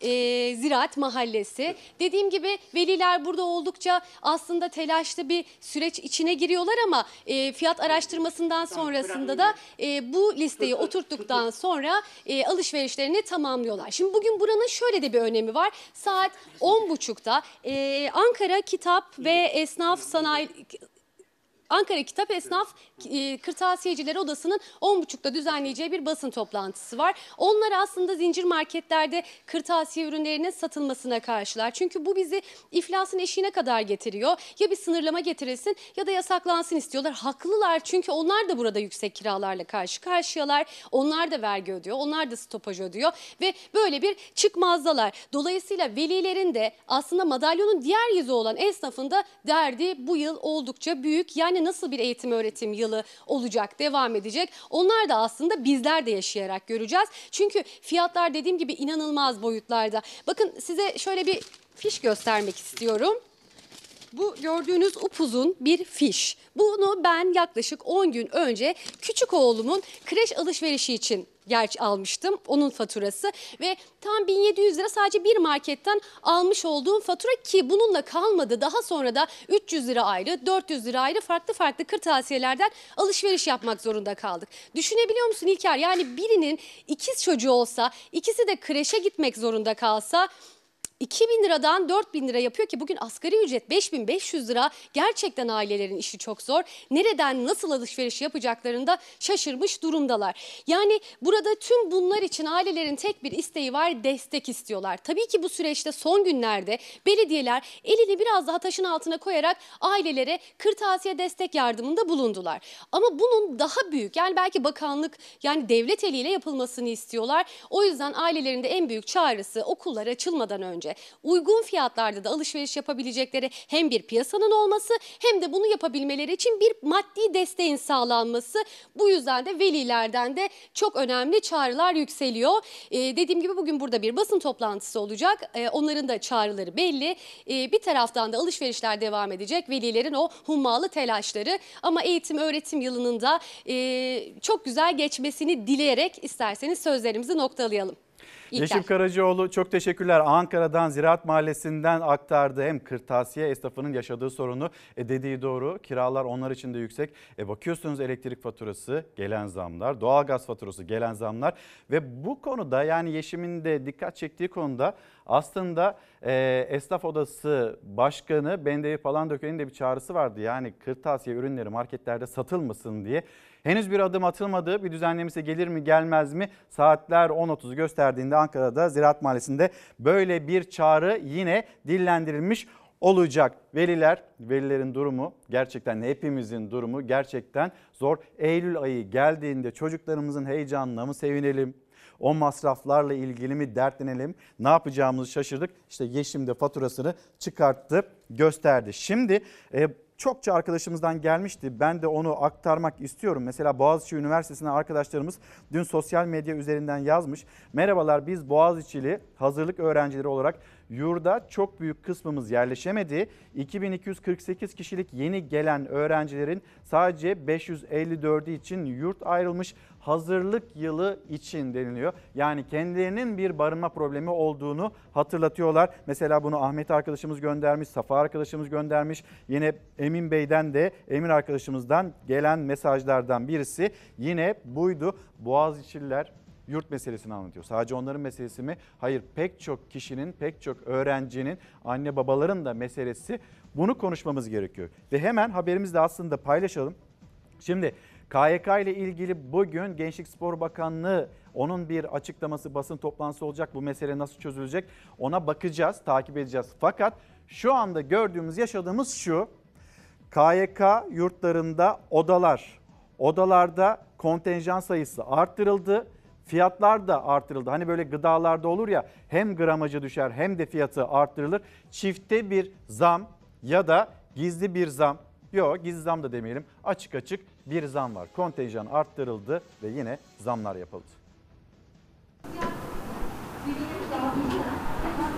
Yatak sayıları artmış olmasına rağmen bu yatak sayılarının artmasının sonucunda fiyatlarda bir değişiklik olmamasını beklersiniz. Lakin fiyatlarda da çok dehşet artışlar var. Öğrenciler KYK yurtlarında çifte zamla karşı karşıya. Çünkü hem yurt ücretlerinde artış var hem de odalardaki yatak sayısında. Açılacak denilen yeni yurtlardansa henüz haber yok. Pazartesi günü Sayın Cumhurbaşkanımızın teşrifleriyle 105 yeni yurt binasını açacağız ve bu yurtta gerçekleştireceğiz bunu. Gençlik ve Spor Bakanı Mehmet Kasapoğlu bundan 4 gün önce pazartesi gününe randevu verdi. Ancak yeni yurt binaları açılışı pazartesi de salı da gerçekleşmedi. Öğrencilerin yurt başvuruları da hala sonuçlanmadı. Herkese çıkmayabilir. Rus sayısı yeterli değil. Onu biliyorum. Şu anda %100 zam gelmiş. E, Bildiğim kadarıyla 850 lira falan olmuş. Üniversite öğrencileri kayıtlarını tamamladılar. Şimdi kalacak yer derdine düştüler. KYK başvurusu yapanlar merakla onlara KYK yurdu çıkıp çıkmayacağını bekliyorlar. Ama KYK yurdu çıkması durumunda da hangi şartlar altında kalacaklarını merak ediyorlar. Yurda başvurdunuz mu? Evet başvurdum. Kaç kişilik odada kalacağınızı biliyor musunuz? Onu bilmiyorum ama 6 diyorlar, 7 diyorlar. Verdiğimiz paraya da değmiyor açıkçası. Bu sene yurda yeni kaydolacaklar için ücret henüz belirlenmedi. Ancak geçen senelerde girip devam edecek öğrencilere 500 ila 800 lira arasında ücret ödeyecekleri söyleniyor. Bu da çifte zam demek. Çünkü çoğu 4 kişilik oda 6 kişiliğe çevrildi. Aylık fiyatın 273 liradan en az 500 liraya çıktığı belirtildi. Bu da aynı odanın bedelinin bu sene toplamda 3 katına çıkacağı anlamına geliyor. 6 kişi kalınıyor. Hala bu devirde ortak tuvaletler, ortak banyolar kötü bir durumda. Fiyatına oranla çok kişi kalıyor. 4 kişilik ranzaydı. 450 veren arkadaşım 800 veriyor galiba şu anda. Öğrenciler odalara ranza eklenmiş ya da yatak sayısı arttırılmış yurt fotoğraflarını sosyal medyadan paylaşıyor. Tepki gösteriyor. Yine de özel yurtlar daha pahalı olduğu için bir umut KYK yurdu çıkacak mı bekliyorlar. 4 tane baza vardı benim yurdumda. Eklenebilir tabii ki yani ikili ranza şeklinde olabilir. 8 kişi bir odada çok fazla yani. Görseliniz zaten iki kişi yan yana yürüyemez KYK yurtlarında. O yüzden bu bir aslında hizmet değil şu an zorunluluk.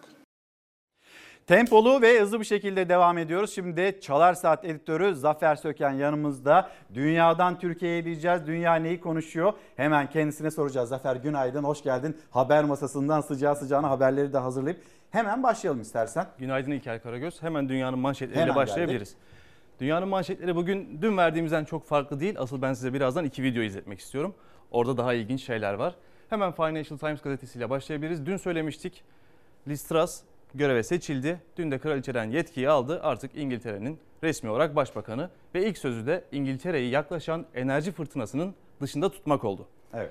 Diğer Wall Street Journal gazetesine bakabiliriz. Burada da diyor ki Truss artık İngiltere'ye bir ekonomik çalkantının içinde liderlik edecek diyor. Ama asıl benim size göstermek istediğim iki video var. Şimdi Onları gelelim. Dünyanın istiyorum. konuştuğu iki video aslında. Avrupa'nın konuştuğu. Sonra Rusya'dan da bir video var galiba. Evet, Rusya'dan Hemen da bir bir video. bakalım. Şimdi ilki gelsin. İlki bu aslında. Tamam böyle yapalım. Rusya Avrupa'ya gaz arzını kesince Ruslar bunu bir propaganda savaşına çevirdi. Yani artık diyorlar ki biz size gazı kesersek sizin için çok uzun bir kış olur. Yayınladıkları videoda da buz tutmuş Avrupa kentleri var. Burada bir Avrupa'ya aslında korku salıyorlar gibi Hem korku salıyorlar hem bir yandan dalga geçiyorlar. Siz bize bu yaptırımları uyguladınız ama bunun da sonucunu donmuş olan şehirlerinizle göreceksiniz Kesinlikle diyorlar. öyle. Bedeli bu olur diye bir video yayınlıyorlar. Yine enerji krizi aslında Avrupa'da televizyon programlarının formatlarını bile değiştirdi. Hemen bir de ona bakalım. İngiltere'de bir Nasıl olur yani enerji krizi nasıl olurdu televizyon programlarının formatını değiştirdi? Bir çarkı çark var orada. Evet burası bir sabah haberleri programı. Sabah programı daha doğrusu. Neresi Burada burası? bir İngiltere'den bu görüntüler. Normalde bu ekranda para ödülünün yanı sıra burada tatil ödülleri olurdu. Yani bu çark döner. Hangisi geldiyse para ya da tatil ona göre izleyici bunu kazanırdı. Tatil kazanabilirdi ya da para ödülü kazanabilirdi. Peki şimdi? Peki şimdi ne oldu? Şimdi 4 aylık enerji faturalarını karşılıyor. Eğer çark tutarsa bütün yıl değil yalnız sadece 4 aylık enerji faturalarını karşılıyorlar. Hatta burada telefonla bir izleyici programa katılıyor ve enerji faturası Büyük ödülünü kazanıyor. değiştirmişler. 4 Büyük aylık ikramiye- fatura. Büyük ikramiye artık şey değil, tatil değil, 4 aylık fatura olacak. Şimdi Bizi neyle ilerleyelim? Bizi etkilemeyecek de demişti Cumhur- Cumhurbaşkanı Erdoğan dün. Evet doğru. Çünkü bizim Rusya ile böyle bir derdimiz yok demişti ama hali hazırda Mart'tan Eylül'e kadar doğalgaz faturaları %100 zamlan %110 zamlandı. Evet. Yani tamam belki gaz akışımız ol- gaz akışımız olabilecek ama biz bunu nasıl ödeyeceğiz? Merak Bizim ediyorum. aklımızdaki soru da bu zaten. Yani Avrupa'nın parası var, gaz yok. Bizim gazımız var. O Gazı ödeyebilecek paramız var mı? Bütçemiz var mı? Devlet ne kadar sübvanse edecek? Cumhurbaşkanının bununla ilgili açıklamaları vardı. Yeni eklenen açıklamalar da var. Hemen birlikte bakalım. Sonra dünyadan Türkiye acaba nasıl gözlemleniyor ve Türkiye ile ilgili hangi manşetler öne çıktı? Onu konuşalım. Sayın Putin'e karşı yaptırım uygulamaları Avrupa bu kışı hakikaten ciddi sıkıntılarla geçirecektir diye düşünüyorum. Bizim böyle bir sıkıntımız yok. Bu kış biz belki gaz eksikliği yaşamayacağız. Fiyatlarda ne olacak? Asıl soru o. Çünkü Türkiye'nin ödeme gücü olacak mı? %98 doğalgazla dışa bağımlı olan Türkiye için sorun yok dedi Cumhurbaşkanı Erdoğan ama enerji uzmanları o kadar iyimser değil. Doğalgaz temininde sorun olmasa fiyatta sorun olabilir diyorlar. Gazprom'un Avrupa'ya sattığı gazın metreküpü 1000 doları aştı. Bizim doğalgaz noktasında herhangi bir sıkıntımız yok. Bizim bu kış yine İran'dan ya da e, diğer boru hattı tedarikçilerinden bir sıkıntımız olmaz ise başka bir sorunumuz var. LNG, sıvılaştırılmış doğalgaz. Türkiye konut talebinden dolayı kış döneminde sıvılaştırılmış doğalgaz ithal etmek zorunda. LNG'nin fiyatı çok yükseldi.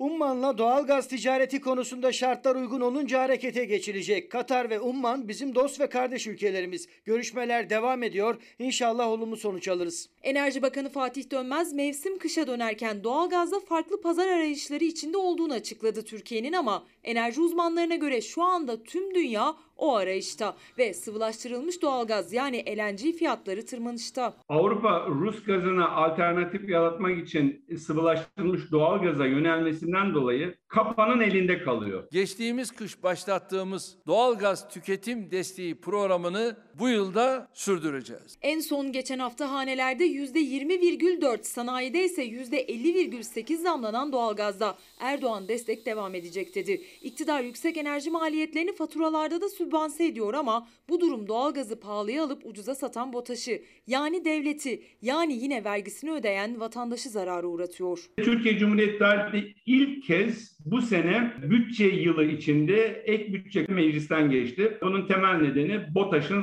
zararlarıydı. 2022 enerji faturamızın 100 milyar doları bulacağı göz önüne alındığında Hükümet bu işi nasıl çözümleyecek? Bir yandan zaten hazinede para yok sübvanse etmek için. Öte yandan halk zaten geçim sıkıntısı burasına kadar gelmiş vaziyette. Türkiye bu kış doğalgaz problemi yaşayacak mı bilinmez ama Rusya ile yaşadığı krizden sonra Avrupa'nın doğalgazda sorun yaşayacağı kesin. Avrupa aslında ektiğini biçiyor. Bu durum Erdoğan'ın dediği gibi sadece Avrupa'nın sorunu mu uzmanlara göre değil. Çünkü Avrupalı ısınmak için kendi ülkesinden çok daha ucuz olan Türkiye'ye gelebilir. Türkiye'ye gelirler mi ısınmak için? Almanya'nın böyle ucuz market zincirinde 600 euroya Türkiye'de 22 gün konaklamalı tatil satılıyor. 400 TL ile Alman Hans Antalya'da konaklayacak. Bu Alman için çok ucuz. O zaman biz de dışarıdan aldığımız gazla lüks otellerimizi onlara vererek adeta Avrupalıları sübvanse edeceğiz olacağız. Bu bizim için bir kazanç sayılmaz aslında. Önemli olan Türkiye'nin kendi arz ikmal güvenliğini sağlamış olması. Şimdi de dış basında Türkiye, dünyadan Türkiye'ye. Seçtiğimiz gazeteler Le Figaro ile başlamak istedik. Hemen bu haberle ilintili olarak enerji krizi Erdoğan'a göre Avrupa ektiğini biçiyor diyor. Erdoğan'ın sözlerine yer vermişler. Putin'in karşılık olarak bu hamleyi attığını söylüyor Cumhurbaşkanı Erdoğan ve Türkiye'nin bundan etkilenmeyeceğini dile getiriyor. Hemen ardından bizle yani Türkiye ile Yunanistan'la aramızda yaşanan gerginliğe dair manşetler var. O zaman şöyle yapalım mı? Sabah Yapalım. gazetesini bir gösterelim. Sabrımız taşarsa gereğini yaparız. Cumhurbaşkanı Erdoğan'ın cümlesiydi. Bize gayrimeşru tehditler devam ederse sabrın da bir sonu vardır. O vakit saat gelir gereği yapılır bir gece ansın gelebilir sözlerini yineledi. Türkiye'de Sabah gazetesi ve pek çok gazetede böyle değerlendirdi ve bu şekilde haberleştirdi. The Washington Post The Washington Post Türk lider Yunanistan'a uzun süreli gerginlik nedeniyle örtülü tehdidini yineledi diye bir şey yapmış. Yani biraz daha Yunanistan'ın yanında durur bir pozisyonu var The Washington Post'un bizim aksimize. Bir de şeye bakmak istedik. Bir de Ee, Yunan, Yunan medyasına, medyasına bakalım. bakmak istedik. Türk medyasını burada zaten sen de okudun dile getirdin. Yunan medyası ne diyor? Yeni tehditler ifadesini kullanmış. Erdoğan'ın ifadeleri de Atina'da şaşkınlıkla karşılandı diyor. Katimerini gazetesi Yunanistan. Zafer Söken teşekkür ederiz. teşekkür Çalar. Saat editörü e, Zafer Söken ile konuştuk. Dünyadan Türkiye nasıl görülüyor? Dünya neyi konuşuyor? Şimdi hemen hızlı bir şekilde Yunanistan ve Türkiye arasında Atina Ankara arasında yaşanılan gerilim. Bunun haberini paylaşalım. Devam edeceğiz. Yine hızlıyız. Eğer bir gece ansızın gelebiliriz diyorsak ne dedim? Vakti saati geldiğinde Teknofest'te bunu söyledim. Bir gece ansızın gelebiliriz. Niye?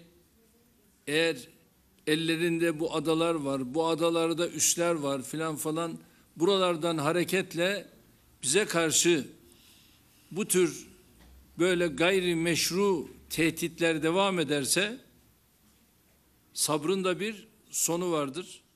İşte o sabrın sonu geldiği anda biz ne diyoruz? Sabrın sonu selamettir.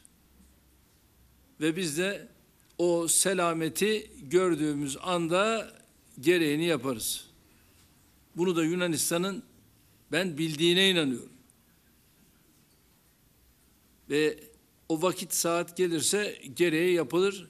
Çünkü bizim uçaklarımıza böyle radar kilitlemesi, şu bu filan bu tür adımları atmak hayra alamet değil. Efendim bir kez daha günaydın. Misafirimiz var. Gelecek Partisi Sözcüsü Serkan Özcan şu anda yanımızda. Hem siyaset hem ekonomi ağırlıklı bir yayın gerçekleştireceğiz kendisiyle. Hoş geldiniz. Hoş Nasılsınız? bulduk. Teşekkür ederim. Hayırlı olsun yeni Sağ olun, göreviniz. çok teşekkür ederim. Siz de İstanbul'a hoş geldiniz. Hoş bulduk. Ee, Serkan Bey şimdi e, Yunanistan ve Türkiye arasında yaşanılan gerginlik bugün gazete pencerenin de manşeti. Siyasetle başlayalım sonra ekonomiyle devam edelim. Sizin asıl böyle alanınız olan konuya geçmek istiyoruz. Seçim dönemi kontrollü gerginlik diye bir başlığı var. Mesela gazete pencerenin. Siz ne dersiniz? Yani hem Yunanistan için hem de e, Türkiye'de hükümet için kullanışlı bir gündem maddesi midir? Ekonomiyi konuşmayalım diye. Yani bugün değil, e, uzunca bir süredir Türkiye'nin de Yunanistan'ın da siyasi tarihine baktığımızda bu çekişmelerin özellikle belli dönemlerde kasıtlı olarak arttırıldığı e, süreçleri yaşadı. Burada bence daha fazla altını çizmemiz gereken şey İlker Bey, bu tür yüksek perdeden konuşmaların caydırıcılığı, inandırıcılığı. Özellikle son 3-4 senedir hepimizin dikkatini çekiyor. Birçok konuda altı dolu olmayan, argümanları çok sağlıklı olmayan ve sürekli 180 derece dönülen böyle yüksek perdeden konuşmalara şahit oluyoruz. Yani işte bu ruh bu tende olduğu sürece bu papaz buradan gitmez gibi. Ya da mesela Suudi Arabistan'la gerilip gerilip gerilip sonra dosyayı teslim ederek kucaklaşmak gibi. Birleşik Arap Emirlikleri'ni 15 Temmuz darbe girişiminin, hain darbe girişiminin arkasında görüp sonra yeni bir süreç başlatmak gibi. Ve dikkat ederseniz özellikle bizimkilerde de şöyle bir üslup var. Yani bugüne kadar Sayın Erdoğan'ı buraya taşıyan o dün dündür, bugün bugündür siyasetine olan karşıtlığın yerini artık sürekli dün dündür, bugün bugündür şeyi almaya başladı. Herhalde siyasetin birçok alanında, birçok alanda çok da çalışmıyor ama en az çalıştığı yerlerden birisi bu dış politika. Yani bir noktadan sonra ülkenin çıkarı falan filan derken dün dündür, bugün bugündür kafası sizi dış politikada oradan oraya savrulan, ne yaptığını bilmeyen, hatta biraz omurgasız gösteren, çok üzülerek söylüyorum, bir noktaya doğru götürüyor. Ama günün sonunda şu yaşanan süreçten, özellikle Yunanistan'la ilgili yaşanan süreçten sonra Batı'nın bize bakışıyla Yunanistan'a bakışı, özellikle Amerika'nın bize bakışı ve Yunanistan'a bakışı arasındaki farkın falan çok daha belirginleşmeye başladığını düşünüyorum. Bu belirginleşmenin işte bu Miçotakis'in en son kongrede yaptığı konuşmayla Amerikan Kongresi'ne aldığı alkış Biden tarafından karşılanması, öte taraftan Türkiye ile F-16 modernizasyonunun bile hala konuşuluyor olması, Yunanistan'a F-35'lerin verilmeye başlanacak olması, bize yapılacak olan modernizasyon için işte bu 6 mil 10 mil hikayesinde e, kongrenin bazı dayatmalara gitmesi falan çok net bir biçimde uluslararası sistemde yani sorduğunuz soruya dönecek olursak evet bir siyasi iç siyaseti e, konsolide etmek için kullanılan bir argümana dönüşmüş durumda. Ama maalesef sonuçları itibariyle bugüne kadar Batı'nın Türkiye ve Yunanistan arasında kurduğu dengeden daha fazla Yunanistan'ı kolladığı, öne çıkardığı bir süreç yaşıyoruz. Şimdi siyaset konusundan başlığından devam edelim. CHP lideri Kemal Kılıçdaroğlu hafta başında bize misafir olmuştu Evet. ve orada altılı masa tamam derse ben hazırım dedi. Sonrasında adaylığı ile ilgili güçlü mesajlar da vermeye devam ediyor. Bir haberimiz var. Önce bunu bir paylaşalım. Sonrasında altılı masada Cumhur İttifakı ve ona yakın kalemler, gazeteler bir çatlak olduğu söyleniyor. Öyle mi değil mi? İşte bir HDP'ye bakanlık verilecek e, sözleri. Bu sizde bir çatlak yarattı mı yaratmadı mı altılı masada ya da liderinizden Ahmet Davutoğlu'ndan size yöneltilen bir e, bilgi var mı? Kulis bilgileri. Ona da bakalım istiyoruz. Hemen bir adaylık meselesi Kılıçdaroğlu ve vermiş olduğu mesajlar. Benim saraylarda yaşamak gibi bir hedefim yok. Bize eğer bir adres olacaksa adresin yeri bellidir. O da Çankaya'dır. Bir gün arayla iki kuvvetli sinyal. Önce Fox ekranında İlker Karagöz'de çalar saatte adaylık için hazırım mesajı verdi Kılıçdaroğlu. Altılı masa benim ismim üzerinde uzlaşırsa ben hazırım. E uzlaşılırsa elbette ki yani eğer birisi Ben hazırım üzerinde- diyorsunuz. E, elbette yani E, niye hazır olmayalım? çürükleri ayıklıyorsunuz. Evet. İnşallah biz de Türkiye'de çürükleri ayıklayacağız. Bir gün sonra da halkın arasında hatta misafirlikte sohbette. Kurulduğundan beri AK Parti üyeyim. Evet. İster ben işi yanlış anlayın. Yok efendim niye yanlış Ama anladın? bazı şeyleri yaşadıkça, gördükçe Evet. inanın sizi sevmeye başladım. Sağ olun. Kılıçdaroğlu ev sohbetlerinde değil ama halkla buluşmasında adaylık için yine güçlü sinyaller verdi. Saray mı Çankaya Köşkü mü karşılaştırmasıyla niyetini açıkça belli etti. Gözlerde adayın belirleneceği altılı masanın diğer aktörlerine çevrildi. İlk değerlendirme Akşener'den temkinli geldi. Ben hazırım diyorsunuz. Elbette yani E, niye hazır olmayalım? Hazırım, onur duyarım. Elbette çok saygıdeğer. Ama bu noktada hiçbir konuşma olmadı. Hayır ben değilim diyen tek kişi benim. Dolayısıyla hepsinin aday olma hakkı var. Akşener aday belirleme stratejisiyle ilgili de dikkat çeken mesajlar verdi. Tek aday gidilmesi doğrudur. Çünkü masanın altından tekmeliyor. Bir ikinci tura kalabilmek için insanlar birbirini kazanacak bir adayla gitmeliyiz. Gizli kapaklı iş yok bizde. Bizde her şey açık. Her şey milletin önünde olacak. Millet İttifakı'nın iki ortağı arasında iki gündür CHP'li Gürsel Tekin'in fitilini ateşlediği HDP tartışması da vardı. İki lider de sessizliğini bozdu. HDP ayrı bir partidir. Onlar ayrı bir ittifak kurmak istiyorlar. Ama altılı masayı nasıl karalayabilir? Benden dinleyin. Temel Bey'den dinleyin. Meral Hanım'dan dinleyin. Şimdi biz o masada hiçbir siyasi partinin başka siyasi partilerle nasıl ilişki kuracağına dair bir dayatmaya girişmedik. Bizim de diğer siyasi partilerle olan iletişimimize herkes saygı duymak zorunda. Kılıçdaroğlu'nun ismi üzerinde altılı masada uzlaşma olursa hazırım çıkışına İyi Parti dışındaki masanın diğer aktörleri de kurmayları aracılığıyla cevap verdi. Yüksek ihtimal diyen de oldu, kazanacak aday kriterini ortaya koyan da. masanın da vermiş olduğu yüksek özgüvenle bir cevap verdiler. Doğal ve tabii bir e, cevaptı. Yüksek bir ihtimaldir de Bu seçimde kazanan aday ve kazandıracak metotla milletimizin huzuruna çıkacağız. Bu masanın oluşumunda da en önemli payada hiç şüp- şüphesiz ki ana muhalefet partisinin lideri Sayın Kemal Kılıçdaroğlu hak sahibi ve emek sahibidir. Bu isim Sayın Kılıçdaroğlu olursa 13. Cumhurbaşkanı adayı olarak kendi adayımız gibi destekleyeceğiz. Bay Kemal'in hedefi beşli çetelerden hesap sormaktır. Kılıçdaroğlu adaylık sinyali verirken seçim tarihine ilişkin 2023 Mayıs'ını işaret etmişti. Altılı Masa'nın ortak paydası da Mayıs 2023 olarak görünüyor. Mayıs e, ayında bir erken seçim büyük bir olasılıkla olacaktır. Gelecek Partisi lideri Ahmet Davutoğlu da adaylık sorusuna yanıt verdi. İçimizden birisi aday olabilir. Dışarıdan birisi aday olabilir.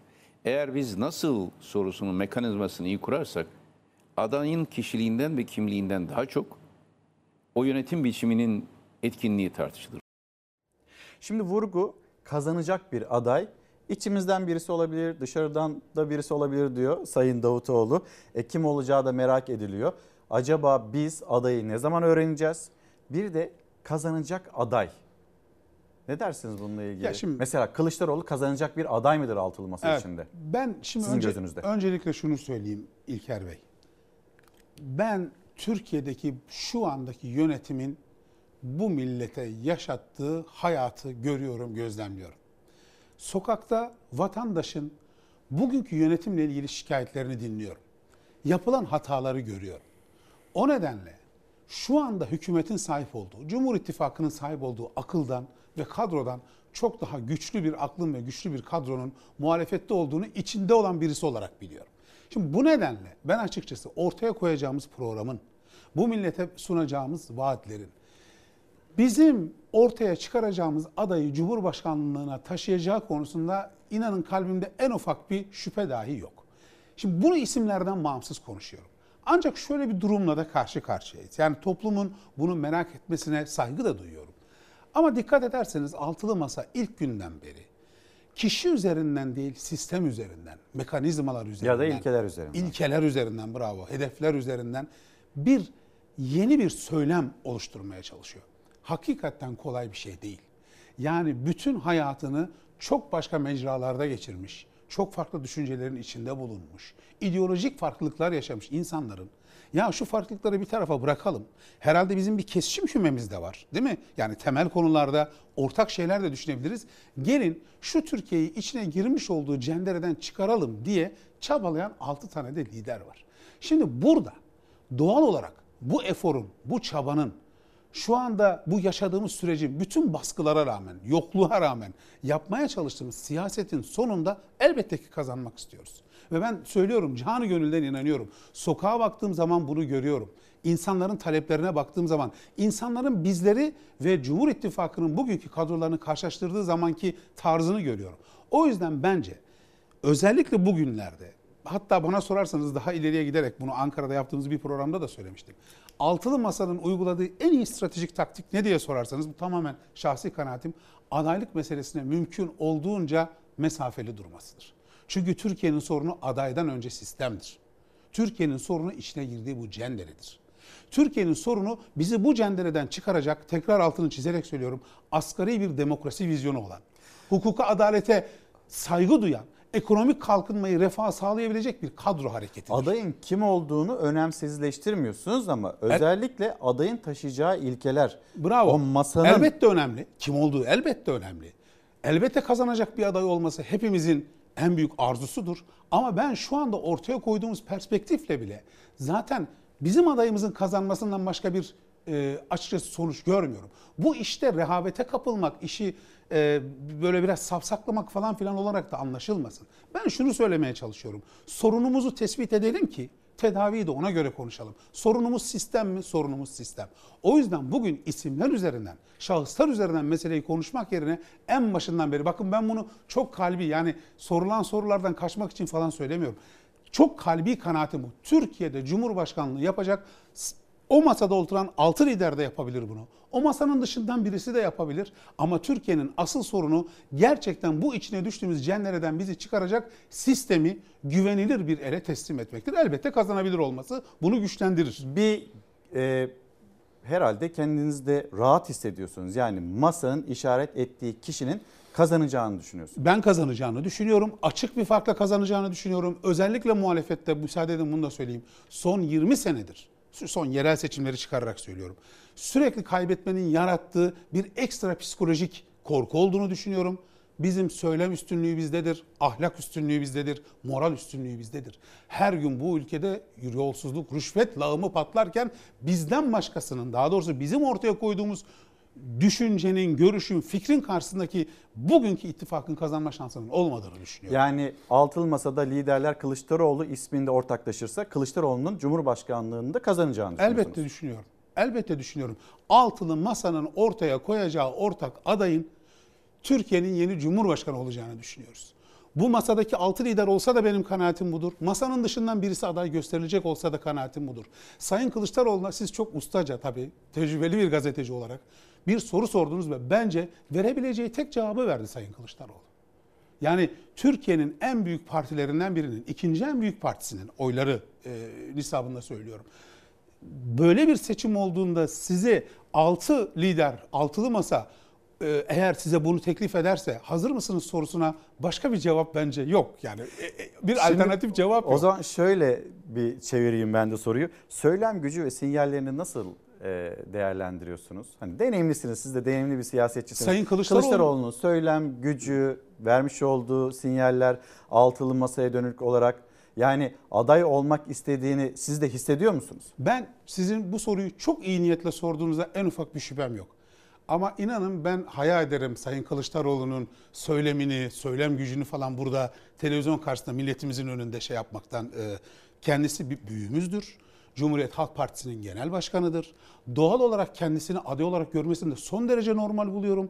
Altılı masanın uzlaşması halinde bu göreve talip olacağını ve bu, bu hazır olduğunu size beyan etmesini son derece normal buluyorum. Ama kazanabilmesi, söylem gücü falan gibi konularda e, bir büyümün, bir siyasi büyümün ve bir Cumhuriyet Halk Partisi Genel Başkanı'nın e, analizini e, yapmayı tercih etmem açıkçası. Eren peki sonra belki bu konuya bir kez daha döneriz. Bir ara cümleyle ya da soruyla. Şimdi isterseniz hani Bugün Bir Gün gazetesinde de yer alıyor. E, Serkan Bey'e de okumuş olalım. Mesela sandık yatırımı, bu sandık yatırımı ile ilgili bir tabloyu da görüyor musunuz? EYT'lileri Net görüyoruz. E, net görüyorsunuz. Net görüyoruz. Şimdi EYT'lilerle ilgili bir adım var. Sonra kredi hazırlığı bu e, hemen şuradan Evet. görebilirsiniz ve sözleşmeli personelle ilgili adımlar atılacağı da yine Çalışma Bakanı tarafından dillendirildi. Bir de icralık olan dosyalar 2000 lira ve altındaki icra hani bunların silinmesi ama 2001 liraysa 2010 liraysa 2100 liraysa bunların hala bu borcun hala mevcudiyetini koruyor olması. E, Buradaki tabloya bir müjde olarak mı bakacağız? Yani icralık dosyaların olması ya da bunun silinmesi bir müjde midir? Yoksa 10 milyon icra dosyasının olması bu vahim bir durum mudur? Döndüğümüzde haberin Peki. sonrasında size bu soruyu sormuş olayım. Buyurun. Olmaz mı? Hiç icralık oldunuz mu? Oldu. 2000 lira, 2005 lira ona bile icra geldi. Uçan kuşa borcumuz var valla. Niye uçan kuşa borçlusunuz? Ya hayat pahalılığı işte. İcralık borcunuz var. Evet evet. Vatandaşlarımızın bir kısmının icra takibine uğramasına yol açan 2000 lira ve altındaki borçlarını tasfiye ediyoruz. Borcu olmayan neredeyse yok. Milyonlarca kişinin borcuysa artık icra mahkemelerinde. Cumhurbaşkanı Erdoğan 2000 liranın altındaki borçların silineceğini söyledi ama o müjdeyle 5,5 milyon kişinin 2000 liralık borcunu bile ödeyemediği ortaya çıkmış oldu. Böylece icra takibine konu yaklaşık 10 milyon dosya ve yaklaşık 5,5 milyon vatandaşımız icra takibinden kurtulmuş olacaktır. Arkamdaki binada sadece icralık dosyalar takip ediliyor. Sadece bu görüntü bile aslında ne kadar çok insanın borçlu olduğunun bir göstergesi. Borcu 2000 liranın altında olansa 5,5 milyon insan var. Eğer borcun ana parası 2000 liranın altındaysa borcun tamamı on binlerce lira bile olsa tasfiye edilecek. 2000 liranın altındaki ana para borçları tüketici için önemli para. Tabii ki tüketici o 2000 lirayı da 10 bin lira olarak ödemekle karşı karşıya şu anda. Bundan kurtulursa tenceresine koyacak bir şeyler alabilir. Ben de icradan çıkamadım. Aylarca çıkamadık icradan. Bir tane kira borcum vardı. İcraya verdi. Benden 10 bin lira tahsil etti. Bu 2000 liranın altındaki borçlar en çok nedendir? Genellikle faturadır. Telefon faturası, doğalgaz faturası, su faturasıdır yani. Siz hangi faturadan icralık olmuştunuz? Telefon. Onları e, tahsil edemeyecek olan gerek varlık yönetim şirketleri gerekse alacaklı şirketler batık alacakmış gibi gider hesabına kaydedecek. Bunun bir bölümü vergiden tenzil edilecek. Yani vergiyi o miktarda eksik ödeyecek. Borçlarınızı varlık şirketlerine satıyorlar. Sakın ödemeyin. Seçimden sonra onlarla ben konuşacağım ben. Varlık yönetim şirketlerine devredilmiş alacaklar da buna dahildir. Daha önce CHP lideri Kemal Kılıçdaroğlu'nun tepki gösterdiği varlık yönetim şirketlerine devrolan borçlar da bu af kapsamında. Borçların büyük bir kısmını faturalar oluşturuyor. Dar gelirli 2000 liralık nefes alacak ama borçlar silinmesi planlanandan çok daha fazla. Gene icralık duruma düşeriz ki zaten. Yani bu pahalılık durum sonra gene bir sene sonra gene kartlara başvurunca gene icralık duruma. Çünkü ödeyemezsen ne olacak? İnsana istihdam açılması lazım. Böyle yürümez ki yani. Hayatın diğer genel anlamı güzelleşsin. Biz onun peşindeyiz. Bir kol yumurta 65 lira olmasın. İcralık borçların silinmesi bir müjde midir? Enflasyon 2023'ün sonunda %20'leri görür mü? Ekonomiyi siz nasıl e, görüyorsunuz, değerlendiriyorsunuz? Şimdi vaktimiz dar. Dün akşam Fox Haber'de Selçuk Bey'in haberleri sunduğu zaman bu haberle ilgili girişini siz de görmüşsünüzdür. İtiraf diye afı böyle tırnak içinde söylemişlerdi. Bence bu gerçekten çok şeyi anlatıyor. Bize Avrupa Birliği perspektifinden bahseden, dünyanın en büyük ilk 10 ekonomisi olmaktan bahseden, yollardan, köprülerden yapılan kamu yatırımlarından bahseden, özel sektörün önünü açan ve dünyanın şirketleriyle yarışabilecek konumda olmasını sağlamaktan bahseden AK Parti gitmiştir. İcra, iflas dosyalarını tasfiye eden AK Parti gelmiştir. Yaşadığımız süreç AK Parti'nin ekonomi politikalarının nasıl bir sona geldiğini göstermesi açısından son derece hazindir. Yani bizim bildiğimiz, yaşadığımız şu son 20 senedeki AK Parti kalkınmacı, değil mi? Avrupa ile rekabet eden, açılımcı, Orta Doğu bölgesine de mal satarım, Avrupa'ya da mal satarım, burada da üretirim diyen AK Parti gitmiştir. Bugün millete müjde diye sizin icra iflas dosyalarınızı tasfiye edeceğim diyen AK Parti gelmiştir. Meseleyi böyle okumak lazım. Ve bunların tamamı şu anda AK Parti'nin başka hiçbir gündemi olmadığı için doğrudan seçimle ilgilidir. Aslında gerçek resmi yani daha doğrusu makroekonominin genel iktisadi durumun nasıl gittiğini anlamak için hiç bizim başka bir yerde rakam falan da aramamıza ihtiyaç yok. AK Parti 2023-25 dönemi orta vadeli programını yayınladı. Evet. Aynı AK Parti. Ne söylüyor Bundan, program bize? Ha, bu şunu söylüyor. Bir defa buradaki rakamların bile bu tutarsız bir programdır. Başarılı bir e, projeksiyon değildir. Ama bunların bile yaşanması için bence içeriden birileri zaten hükümette değişecek olsa olsa öyle olur diye hazırlamışlar bunu. Şimdi bugünkü AK Parti'nin, bugünkü sistemin 5 sene önceyle karşılaştırmak hepimizin görevi İlker Bey. Bu ülkeye faizciler diyerek, dış güçler diyerek, mandacılar diyerek ağız dolusu hakaret edenlerin hazineden yapılan 50 milyarlık faiz ödemelerini nasıl 341 milyar liraya getirdiğini gösteriyor bu evrak bize. Bu evrak bize diyor ki 2023 yılında 2 trilyon dolar gayri safi yurt içi hasıla vaat eden AK Parti artık bizi 860-870 milyar dolarda görüyor. Yani 2016 yılındaki rakamda görüyor. O da işler yolunda giderse.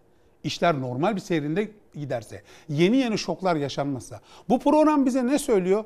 Artık Türkiye hazinesi yatırıma değil, dezavantajlı vatandaşların finansmanına değil, neye çalışacak? Faize çalışacak diyor. Şimdi ben bu rakamlara bakıyorum, tutarsızlıklara bakıyorum ve sürekli bize 24.9, 9.9 bu ucuzluk pazarlarındaki fiyatları insanları kandırmak için koydukları fiyatlar gibi ta 2025 yılında yeniden tek haneli o da 9.9 dikkatinizi çekerim bir enflasyon vaat ediyor.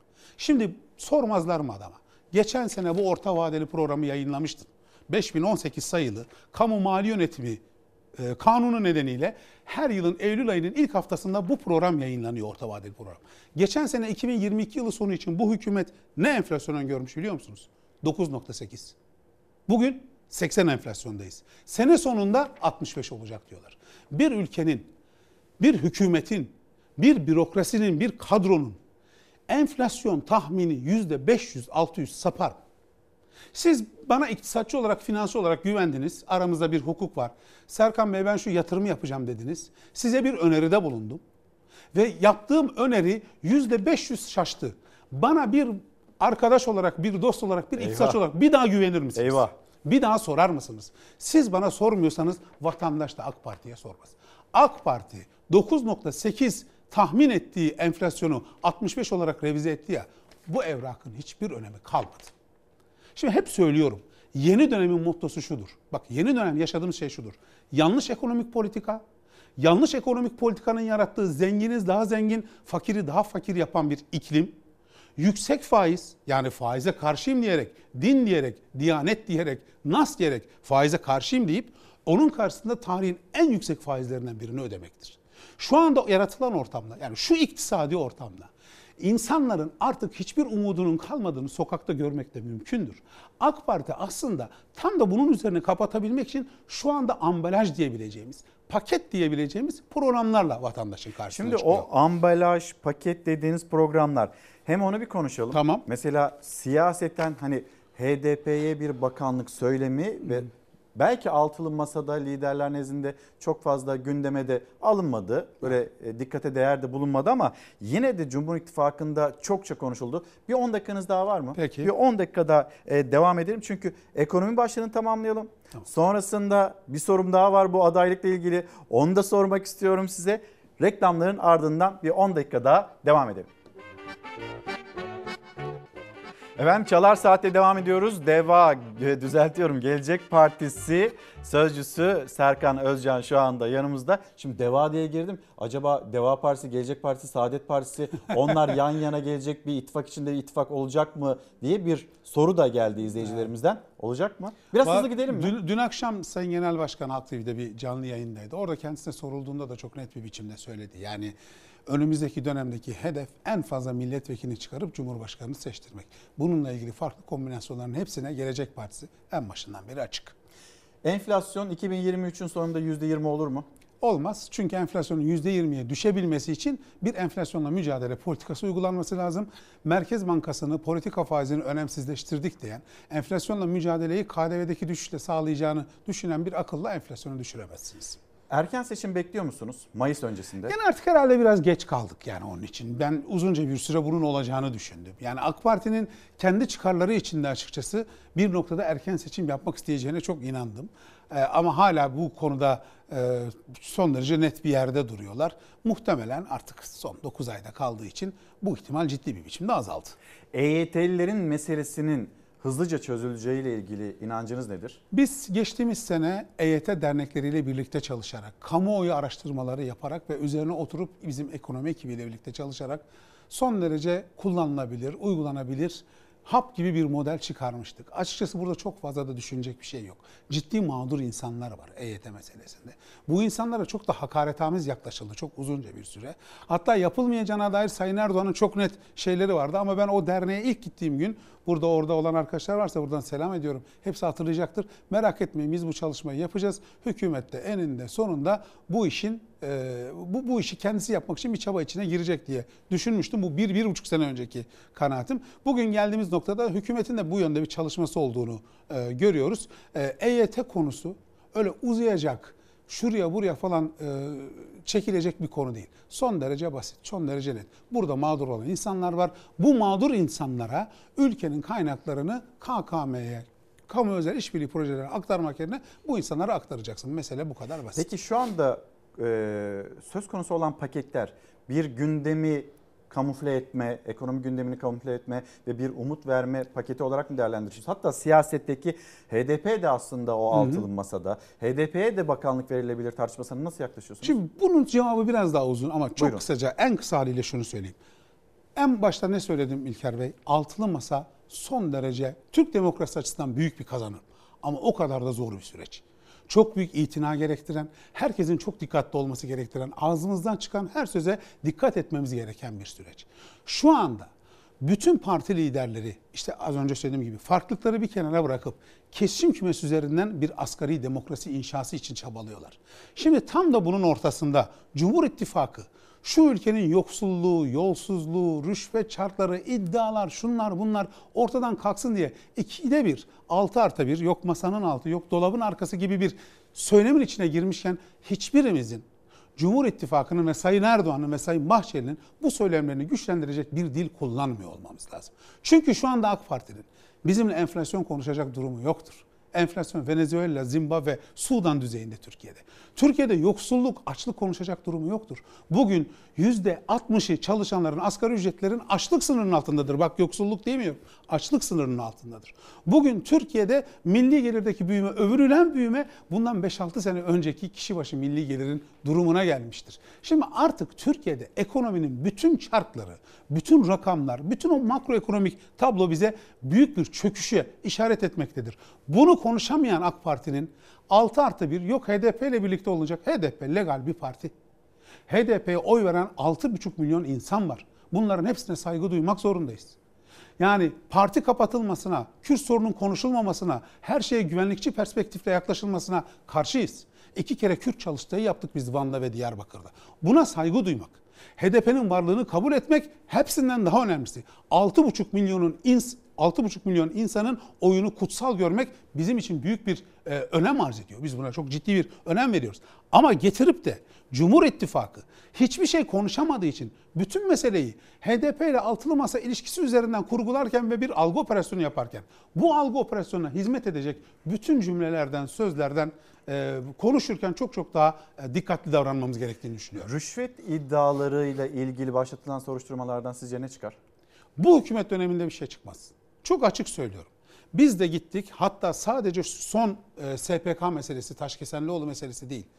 E, Nurettin Canikli ile de ilgili de Sayın Soylu ile de ilgili de Sezgin Baran Korkmaz meselesiyle ilgili de 10 bin dolar rüşvet alan e, milletvekili e, iddiaları ile ilgili de 21 kişiyi kapsayan bir suç duyurusunda bulduk. Ben de Ankara'da e, adliyeye gidip bu başvuru yapan grubun ekibin içerisindeydim. Şu, şu nedenle çıkmaz. Bunları elbette ki tarihe not düşeceğiz. Bu ülkenin şerefli savcıları ve hakimleri yok mu? Elbette var. Onlar bunları not almıyorlar mı, görmüyorlar mı? Elbette görüyorlar. Ama şu anda siyasallaşmış bir yargı da var. Şu anda talimatla iş yaptırılan, zorlanan, tehdit edilen de bir bir süreç var. Yani bu baskıcı, bu otoriter sistem medyaya yaptığı baskıyı yargıya yapmıyor mu? Bizlere yaptığı, siyasetçilere yaptığı baskıyı yargıya yapmıyor mu? Ama bu toz duman kalktığında, ülke normalleştiğinde İlker Bey, hepimiz yeniden adil bir rekabet ortamında siyaset yapmaya başladığımızda, yargıçlar gönül huzuruyla, hiçbir korku olmadan, endişe olmadan kararlarını verebildiklerinde bu foseptiğin nasıl büyük bir foseptik olduğunu bütün Türkiye, bütün dünya görecek. Cumhurbaşkanı adaylığı Kılıçdaroğlu'nun hakkı mıdır? Sadece Sayın Kılıçdaroğlu'nun değil, bu süreci yöneten ve ülkeyi bu cendereden çıkarmak için işbirliği yapan bütün liderlerin, bütün kanaat önderlerin hakkıdır. Yani sadece bir kişi üzerinden bu meseleyi konuşmak, kişi üzerinden konuşmayı doğru buldum. Sizin önünüze gelse Kılıçdaroğlu ismi? Yani şahsi benim kanaatimi Evet. soruyorsunuz? Valla ben Sayın Kılıçdaroğlu'nun son dönemde Türk siyasetine çok büyük hizmetler yaptığını düşünüyorum. Ama asıl olan burada herkesin mutabık olacağı, üzerine mutabık olacağı. Yani benim gönlümden bunu istemem ya da kabul etmemden ziyade herkesin üzerine mutabık kalabileceği ve gerçekten kazanabileceğinden emin olduğumuz, bu, bu Sayın Kılıçdaroğlu da olabilir bu arada. Kim olursa olsun bu ilkeleri ve hedefleri uygulayacak. Yani altılı masanın ortaya koyduğu ilkeleri ve hedefleri uygulayacak bir e, siyasetçinin, bir büyüğümüzün bu ülkeyi e, yeni bir döneme taşıyacağını düşünüyorum. Efendim şimdi bir ekonomi haberi, eriyen maaşlar. Hemen birlikte izleyelim. Sonra ülkenin en önemli, en yakıcı başta ekonomi, ekonomiyle ilgili son sözlerinizi almak istiyorum. Buyurun. asgari ücretlinin maaşında TÜİ'ye göre 204 lira bir kayıp var 2 ayda. Ama enak rakamlarına baktığımız zaman daha halkın yaşadığı enflasyonu yansıtıyor. 553 lira asgari ücretlinin maaşında kayıp var. Asgari ücretlinin de memurun da emeklinin de maaşı daha Temmuz'da zamlandı ama yüksek enflasyona dayanamadı eridi. TÜİK verilerine göre 2 aylık enflasyon %3,83 olurken bağımsız araştırma grubu ENA'a göre %10,89. Birleşik Kamu İş'in gıda fiyatları üzerinden gidecek olsak e, 9,71'lik bir kaybımız var. 4 kişilik bir ailenin sofrasından 2 ayda 503 lirası gitmiş. En düşük memur maaşı da Temmuz'dan bu yana TÜİK enflasyonuna göre 324 lira, ENAK enflasyonuna göre ise 921 lira eridi. Birleşik Kamu İş Konfederasyonu ise 8 ayda memur maaşındaki kaybı hesapladı. Eğer ENAK'ın ya da Birleşik Kamu İş'in rakamlar üzerinden gidersek 8 ay içerisinde en düşük devlet memurunun eline geçecek rakam 80.973 lira olması gerekir iken eline geçen 57.124 lira. Memurlar iktidarın yeni açıkladığı orta vadeli programdan sonra da hayal kırıklığı yaşadı. hükümet kamu emekçileri sendikalarına şunu söylüyor. Diyor ki ben orta vadeli plan e, çerçevesinde 2022 ve 2024 ekonomik göstergelerim ortada ve bunun karşılığında bir zam oranı belirliyor. İktidar 2022 için orta vadeli programda yıllık enflasyonu ilk olarak %9,8 hesaplamıştı. Memurla pazarlığı da o hesapla yaptı. Bize 2022 için beklenen enflasyon %9.8 iken verdikleri zam oranı 5 artı 7 idi.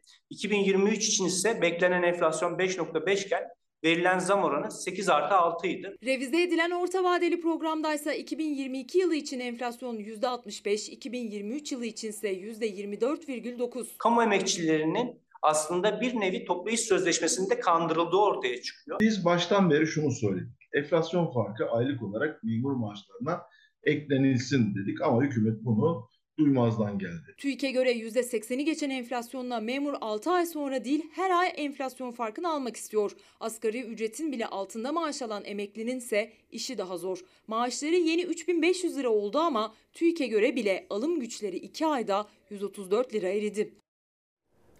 Maaşlar da eriyor bir yandan. Enflasyon, hayat pahalılığı. Son sözleriniz ekonomi üzerinden Çok olsun. basit. Enflasyonla mücadele bir efsane değil. Enflasyonla mücadele bizim kafamızdan uydurduğumuz bir şey de değil. yüzyıllarca ortaya konulmuş bir literatür var.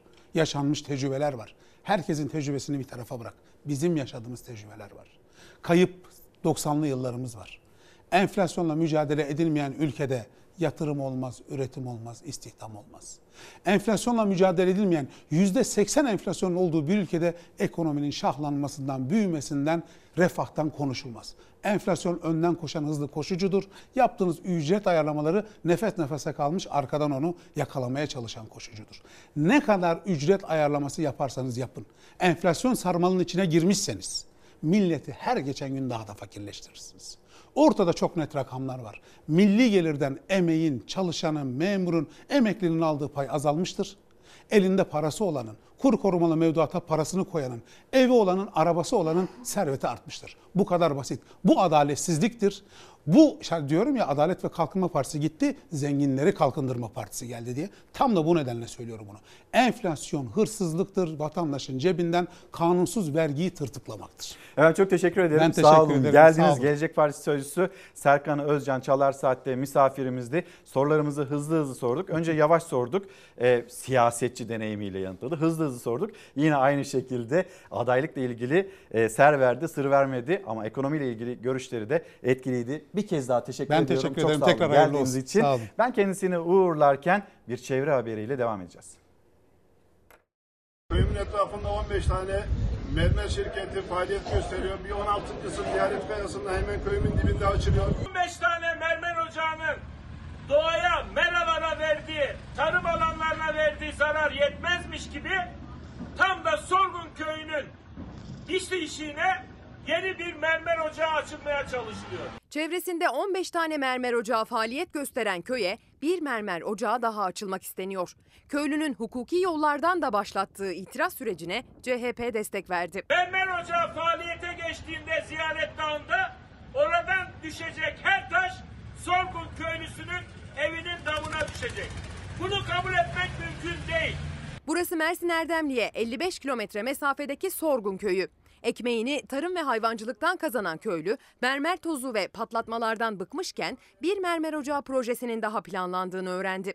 Sorgun köylüsü köyün yamacına kurulduğu ziyaret dağına mermer ocağı istemiyor. Bu bölge 15 tane mermer ocağının katlettiği bir doğaya dönüştü. Ee, Bizim sonumuzu hazırlıyorlar.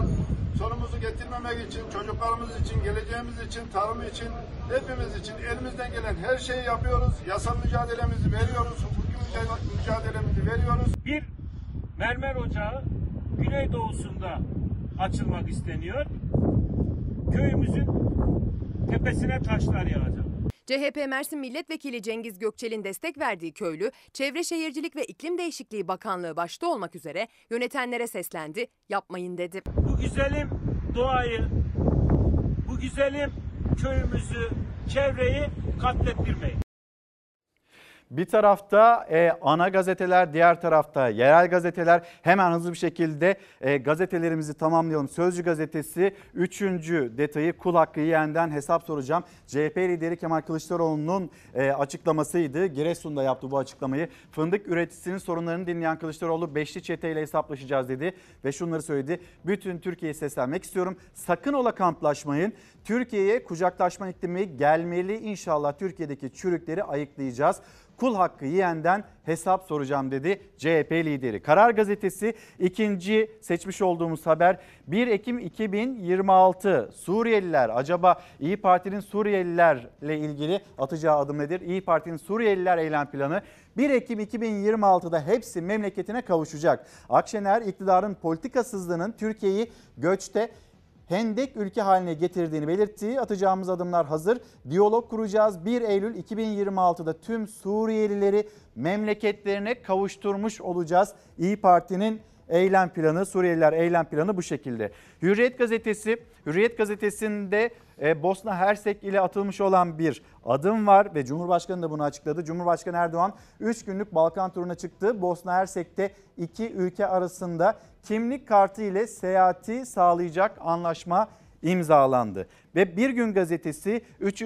seçmiş olduğumuz ayrıntı yabancıya cennet bizim ülkemiz. Oradan da ülkemize gelip böyle güzel güzel alışveriş yapanlarla ilgili bir haberimiz var. Ona geçiş yapmış olalım. Yabancıya cennet ülkede milyonlarca yurttaş hayat pahalılığı ve geçim sıkıntısı cenderesinden bir türlü çıkamazken Türk lirasındaki erime tam gaz sürüyor. Artan döviz kuru ise Türkiye'yi yabancı ülkelerin vatandaşları için adeta fırsatlar cennetine dönüştürdü. Önce Almanya'daki bir ucuzluk marketi 599 avroya Türkiye'de 22 günlük tatil kampanyası satışını çıkardı. Ardından Dubai merkezi bir yatırım şirketi aşırı ucuz dedi.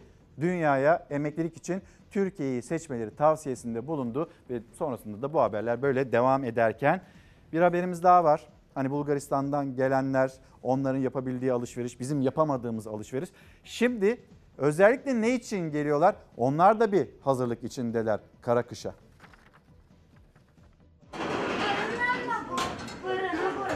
Kış için hazırlık yapalım. Alalım bize soba, kömür odun yakalım. Gaz yok, elektrik üsekleniyor, gaz da üsekleniyor. Biz de sobaları bakıyoruz. Rusya gaz vanalarını kapattı. Avrupalı kış bastırınca nasıl ısınacağız derdine düştü. Avrupa'nın ısınma endişesi Edirne'ye de yansıdı. Edirneli sobacılar bu yıl sezonu erken açtı. Bulgarların çok ilgisi var sobaya karşı. Geliyorlar, soruyorlar. Bu doğalgazın az olacağını söylüyorlar.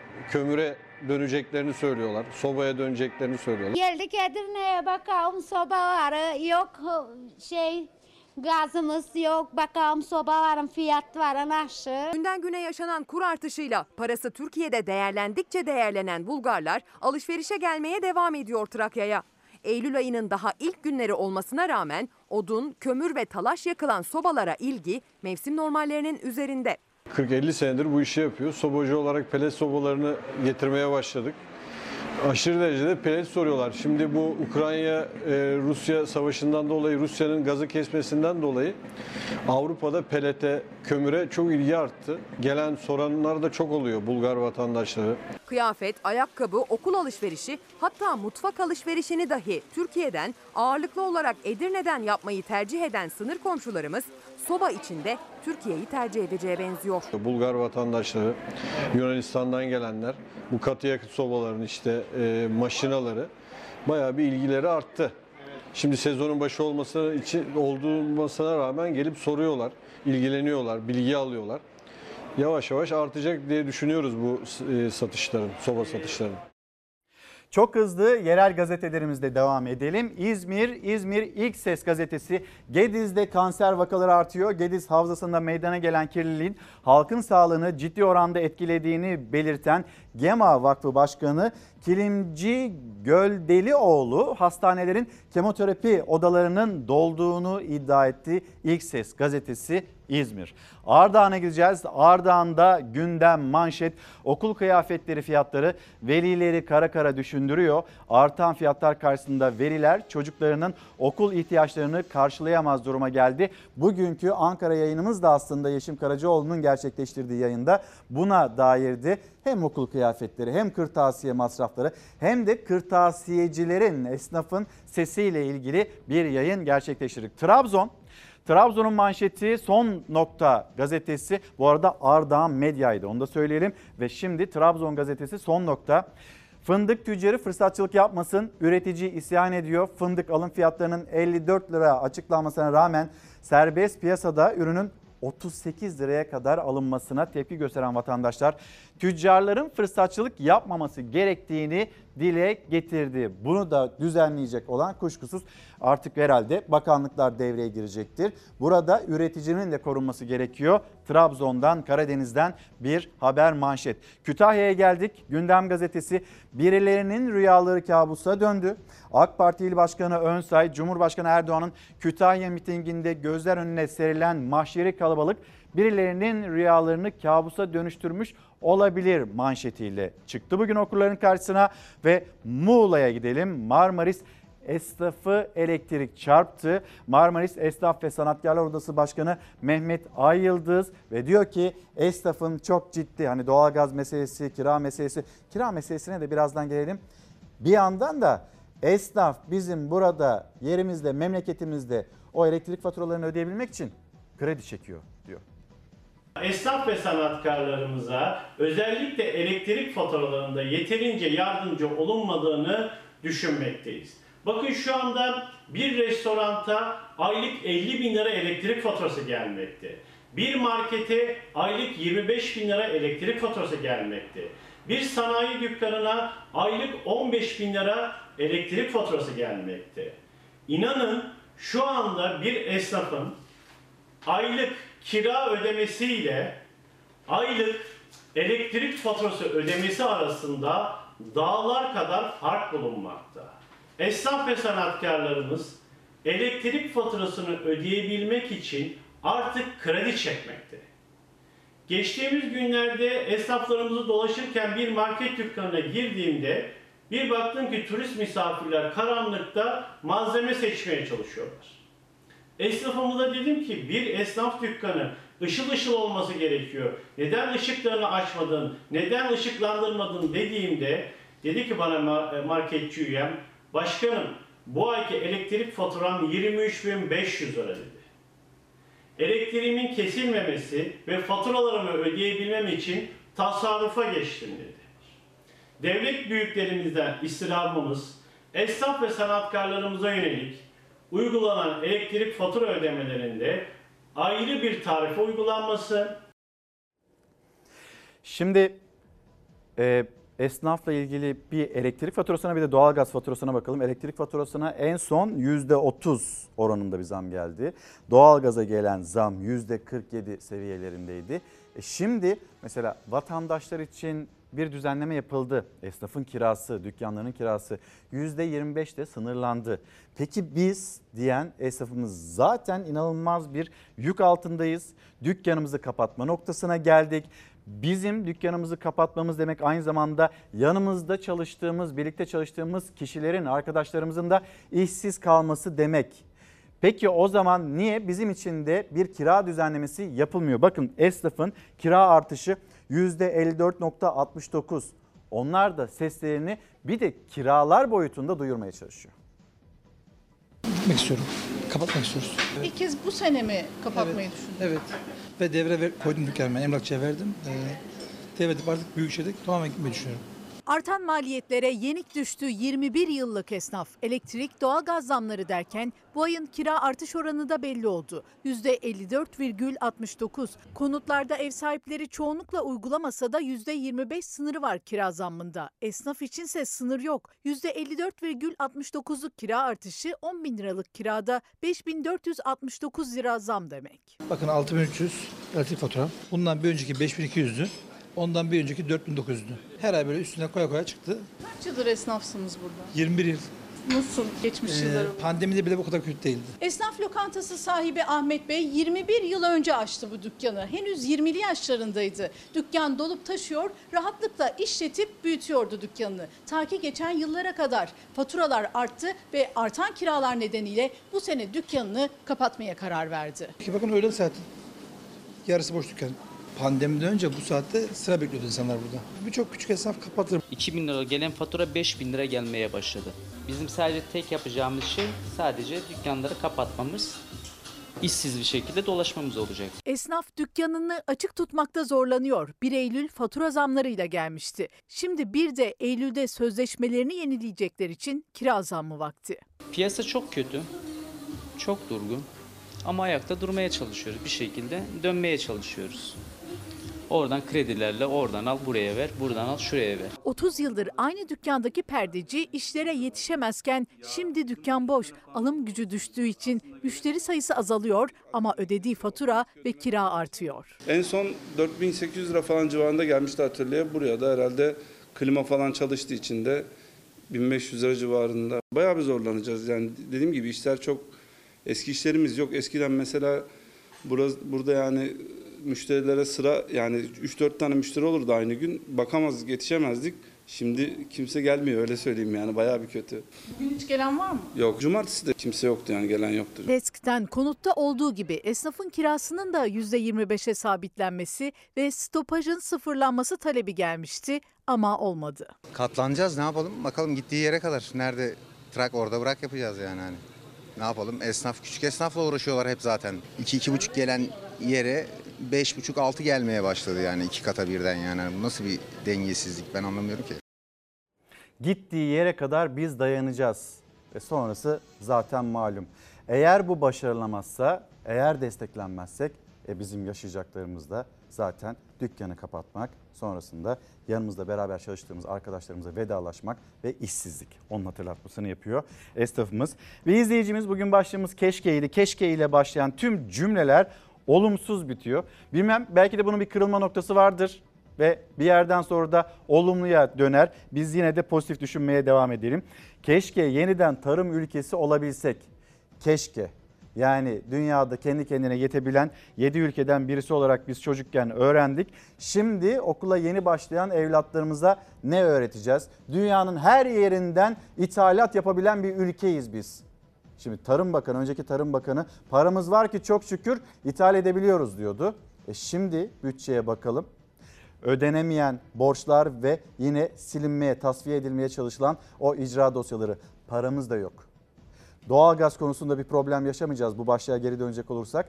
Doğalgaz e, konusunda sıkıntı yaşamayacağız ama doğalgazı öderken eğer devlet tekrar devreye girmezse ve yeterli seviyede sübvanse olmazsa biz onu öderken bayağı bu kışta kara kara düşünüyor olacağız. Sizlerden gelen mesajlara da dikkatle bakmaya gayret ederken bir Korkusuz gazetesine bakalım mı? Korkusuz gazetesinin manşeti de aslında dramatik bir manşetli kadere bak.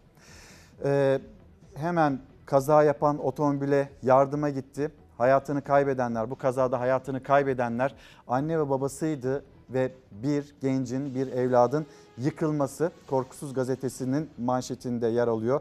Yer Şanlıurfa. Şanlıurfa'da durakta çıkan, duraktan çıkan halk otobüsüne arkadan gelen bir otomobil çarptı. Eşiyle göz doktorundan dönen Ahmet Ahmet Erten'in kullandığı otomobil hurdaya dönerken Karı koca içinde sıkıştığı ihbar üzerine olay yerine kurtarma ekipleri geldi. Şanlıurfa Büyükşehir Belediyesi'nin yol yardım biriminden Mehmet Hafız Ersen de bu görevliler arasındaydı. Gitti, müdahale etmeye çalıştı.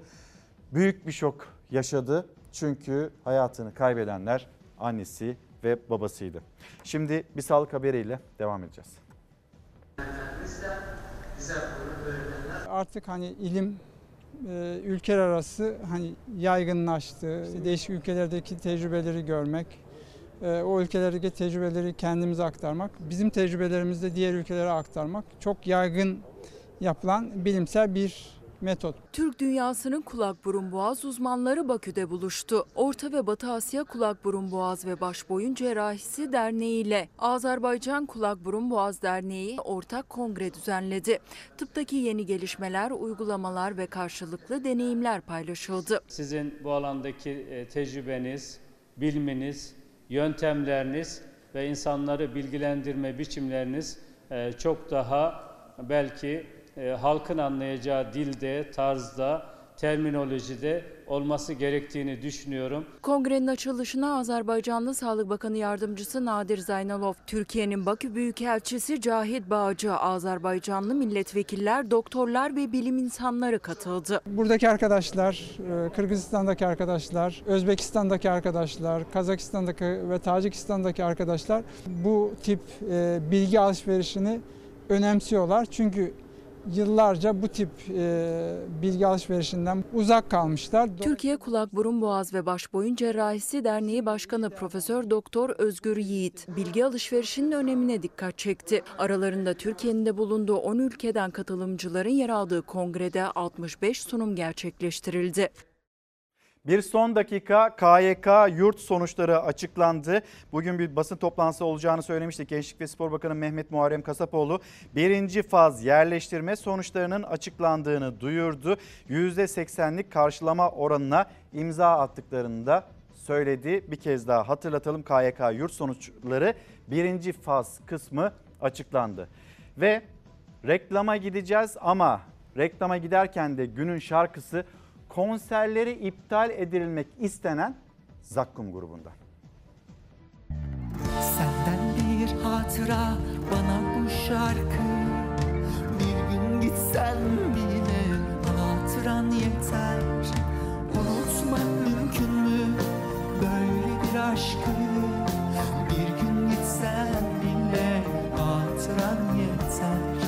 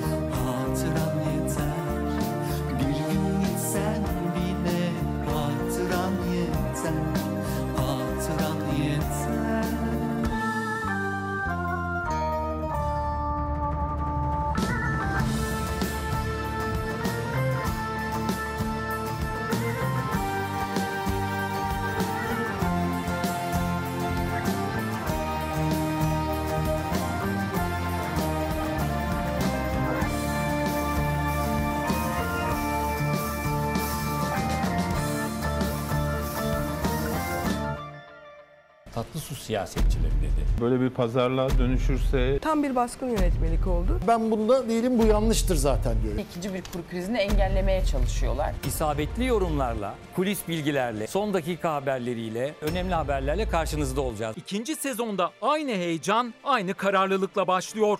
Cuma akşamlarının klasiği orta sayfa 9 Eylül'de izleyicilerine merhaba diyor. Olup biteni anlatacağız. Temiz bir ekran vaat ediyoruz. Temiz ekran ve sadece gerçekler. Belgeli habercilik orta sayfayla geri dönüyor. Toplamda 2,5 milyon hane elektrik desteğinden yararlanacak denilmiş. Haberin saati yok. En sıcak haberleri yine orta sayfa duyuruyor. Resmi gazeteyi bekliyoruz. Bakalım geçen hafta olduğu gibi sürpriz e, olacak mı? Kapıların ardında ne mi konuşuldu? O kapıyı da orta sayfa aralıyor. 5500 civarında bir şey olsun da denilebilirmiş o. Seçim yolculuğunda en doğru analizlerin adresi de yine orta sayfa. Soruşturun bakalım kaç tane işletmenin faturaları ödenemiyor. Fakat olmuyor olmuyor olmuyor çünkü taşıma suyuyla değirmen döndürüyorlar.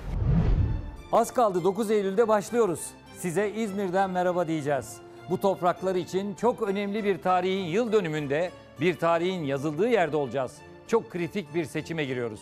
Tarafsız, cesur ve bağımsız ekranımızda konuşulmayanı yine biz konuşacağız. Gerçekleri sizinle buluşturacağız. Orta sayfa 9 Eylül Cuma 23.30'da Fox'ta. Efendim bir kez daha günaydın. Bugün için noktalayacağız. Üç kitabımız var. Hemen getireyim. Ekranlarınıza da yansıtalım. Zeynep Şahin, Ölümme Beş Kala İlk Aşk. Lahana'dan Kozmos'a bir çalışma, bir derleme gösterelim. Ve Ruşen Işın, Cumhuriyet'in 100. yılında 4 Eylül Sivas Kongresi Vali Reşit Paşa'nın hatıraları. Efendim kitaplarımızı gösterdik. Kapatırken her zamanki gibi teşekkürümüz sizlere. Bizi izlediğiniz için çok teşekkür ederiz. Yarın sabah saatler 8'i gösterdiğinde biz burada olacağız ve Türkiye'nin gündemini ve elbette sizin gündeminizi aktarmak için. Hoşçakalın, güzel bir gün olsun.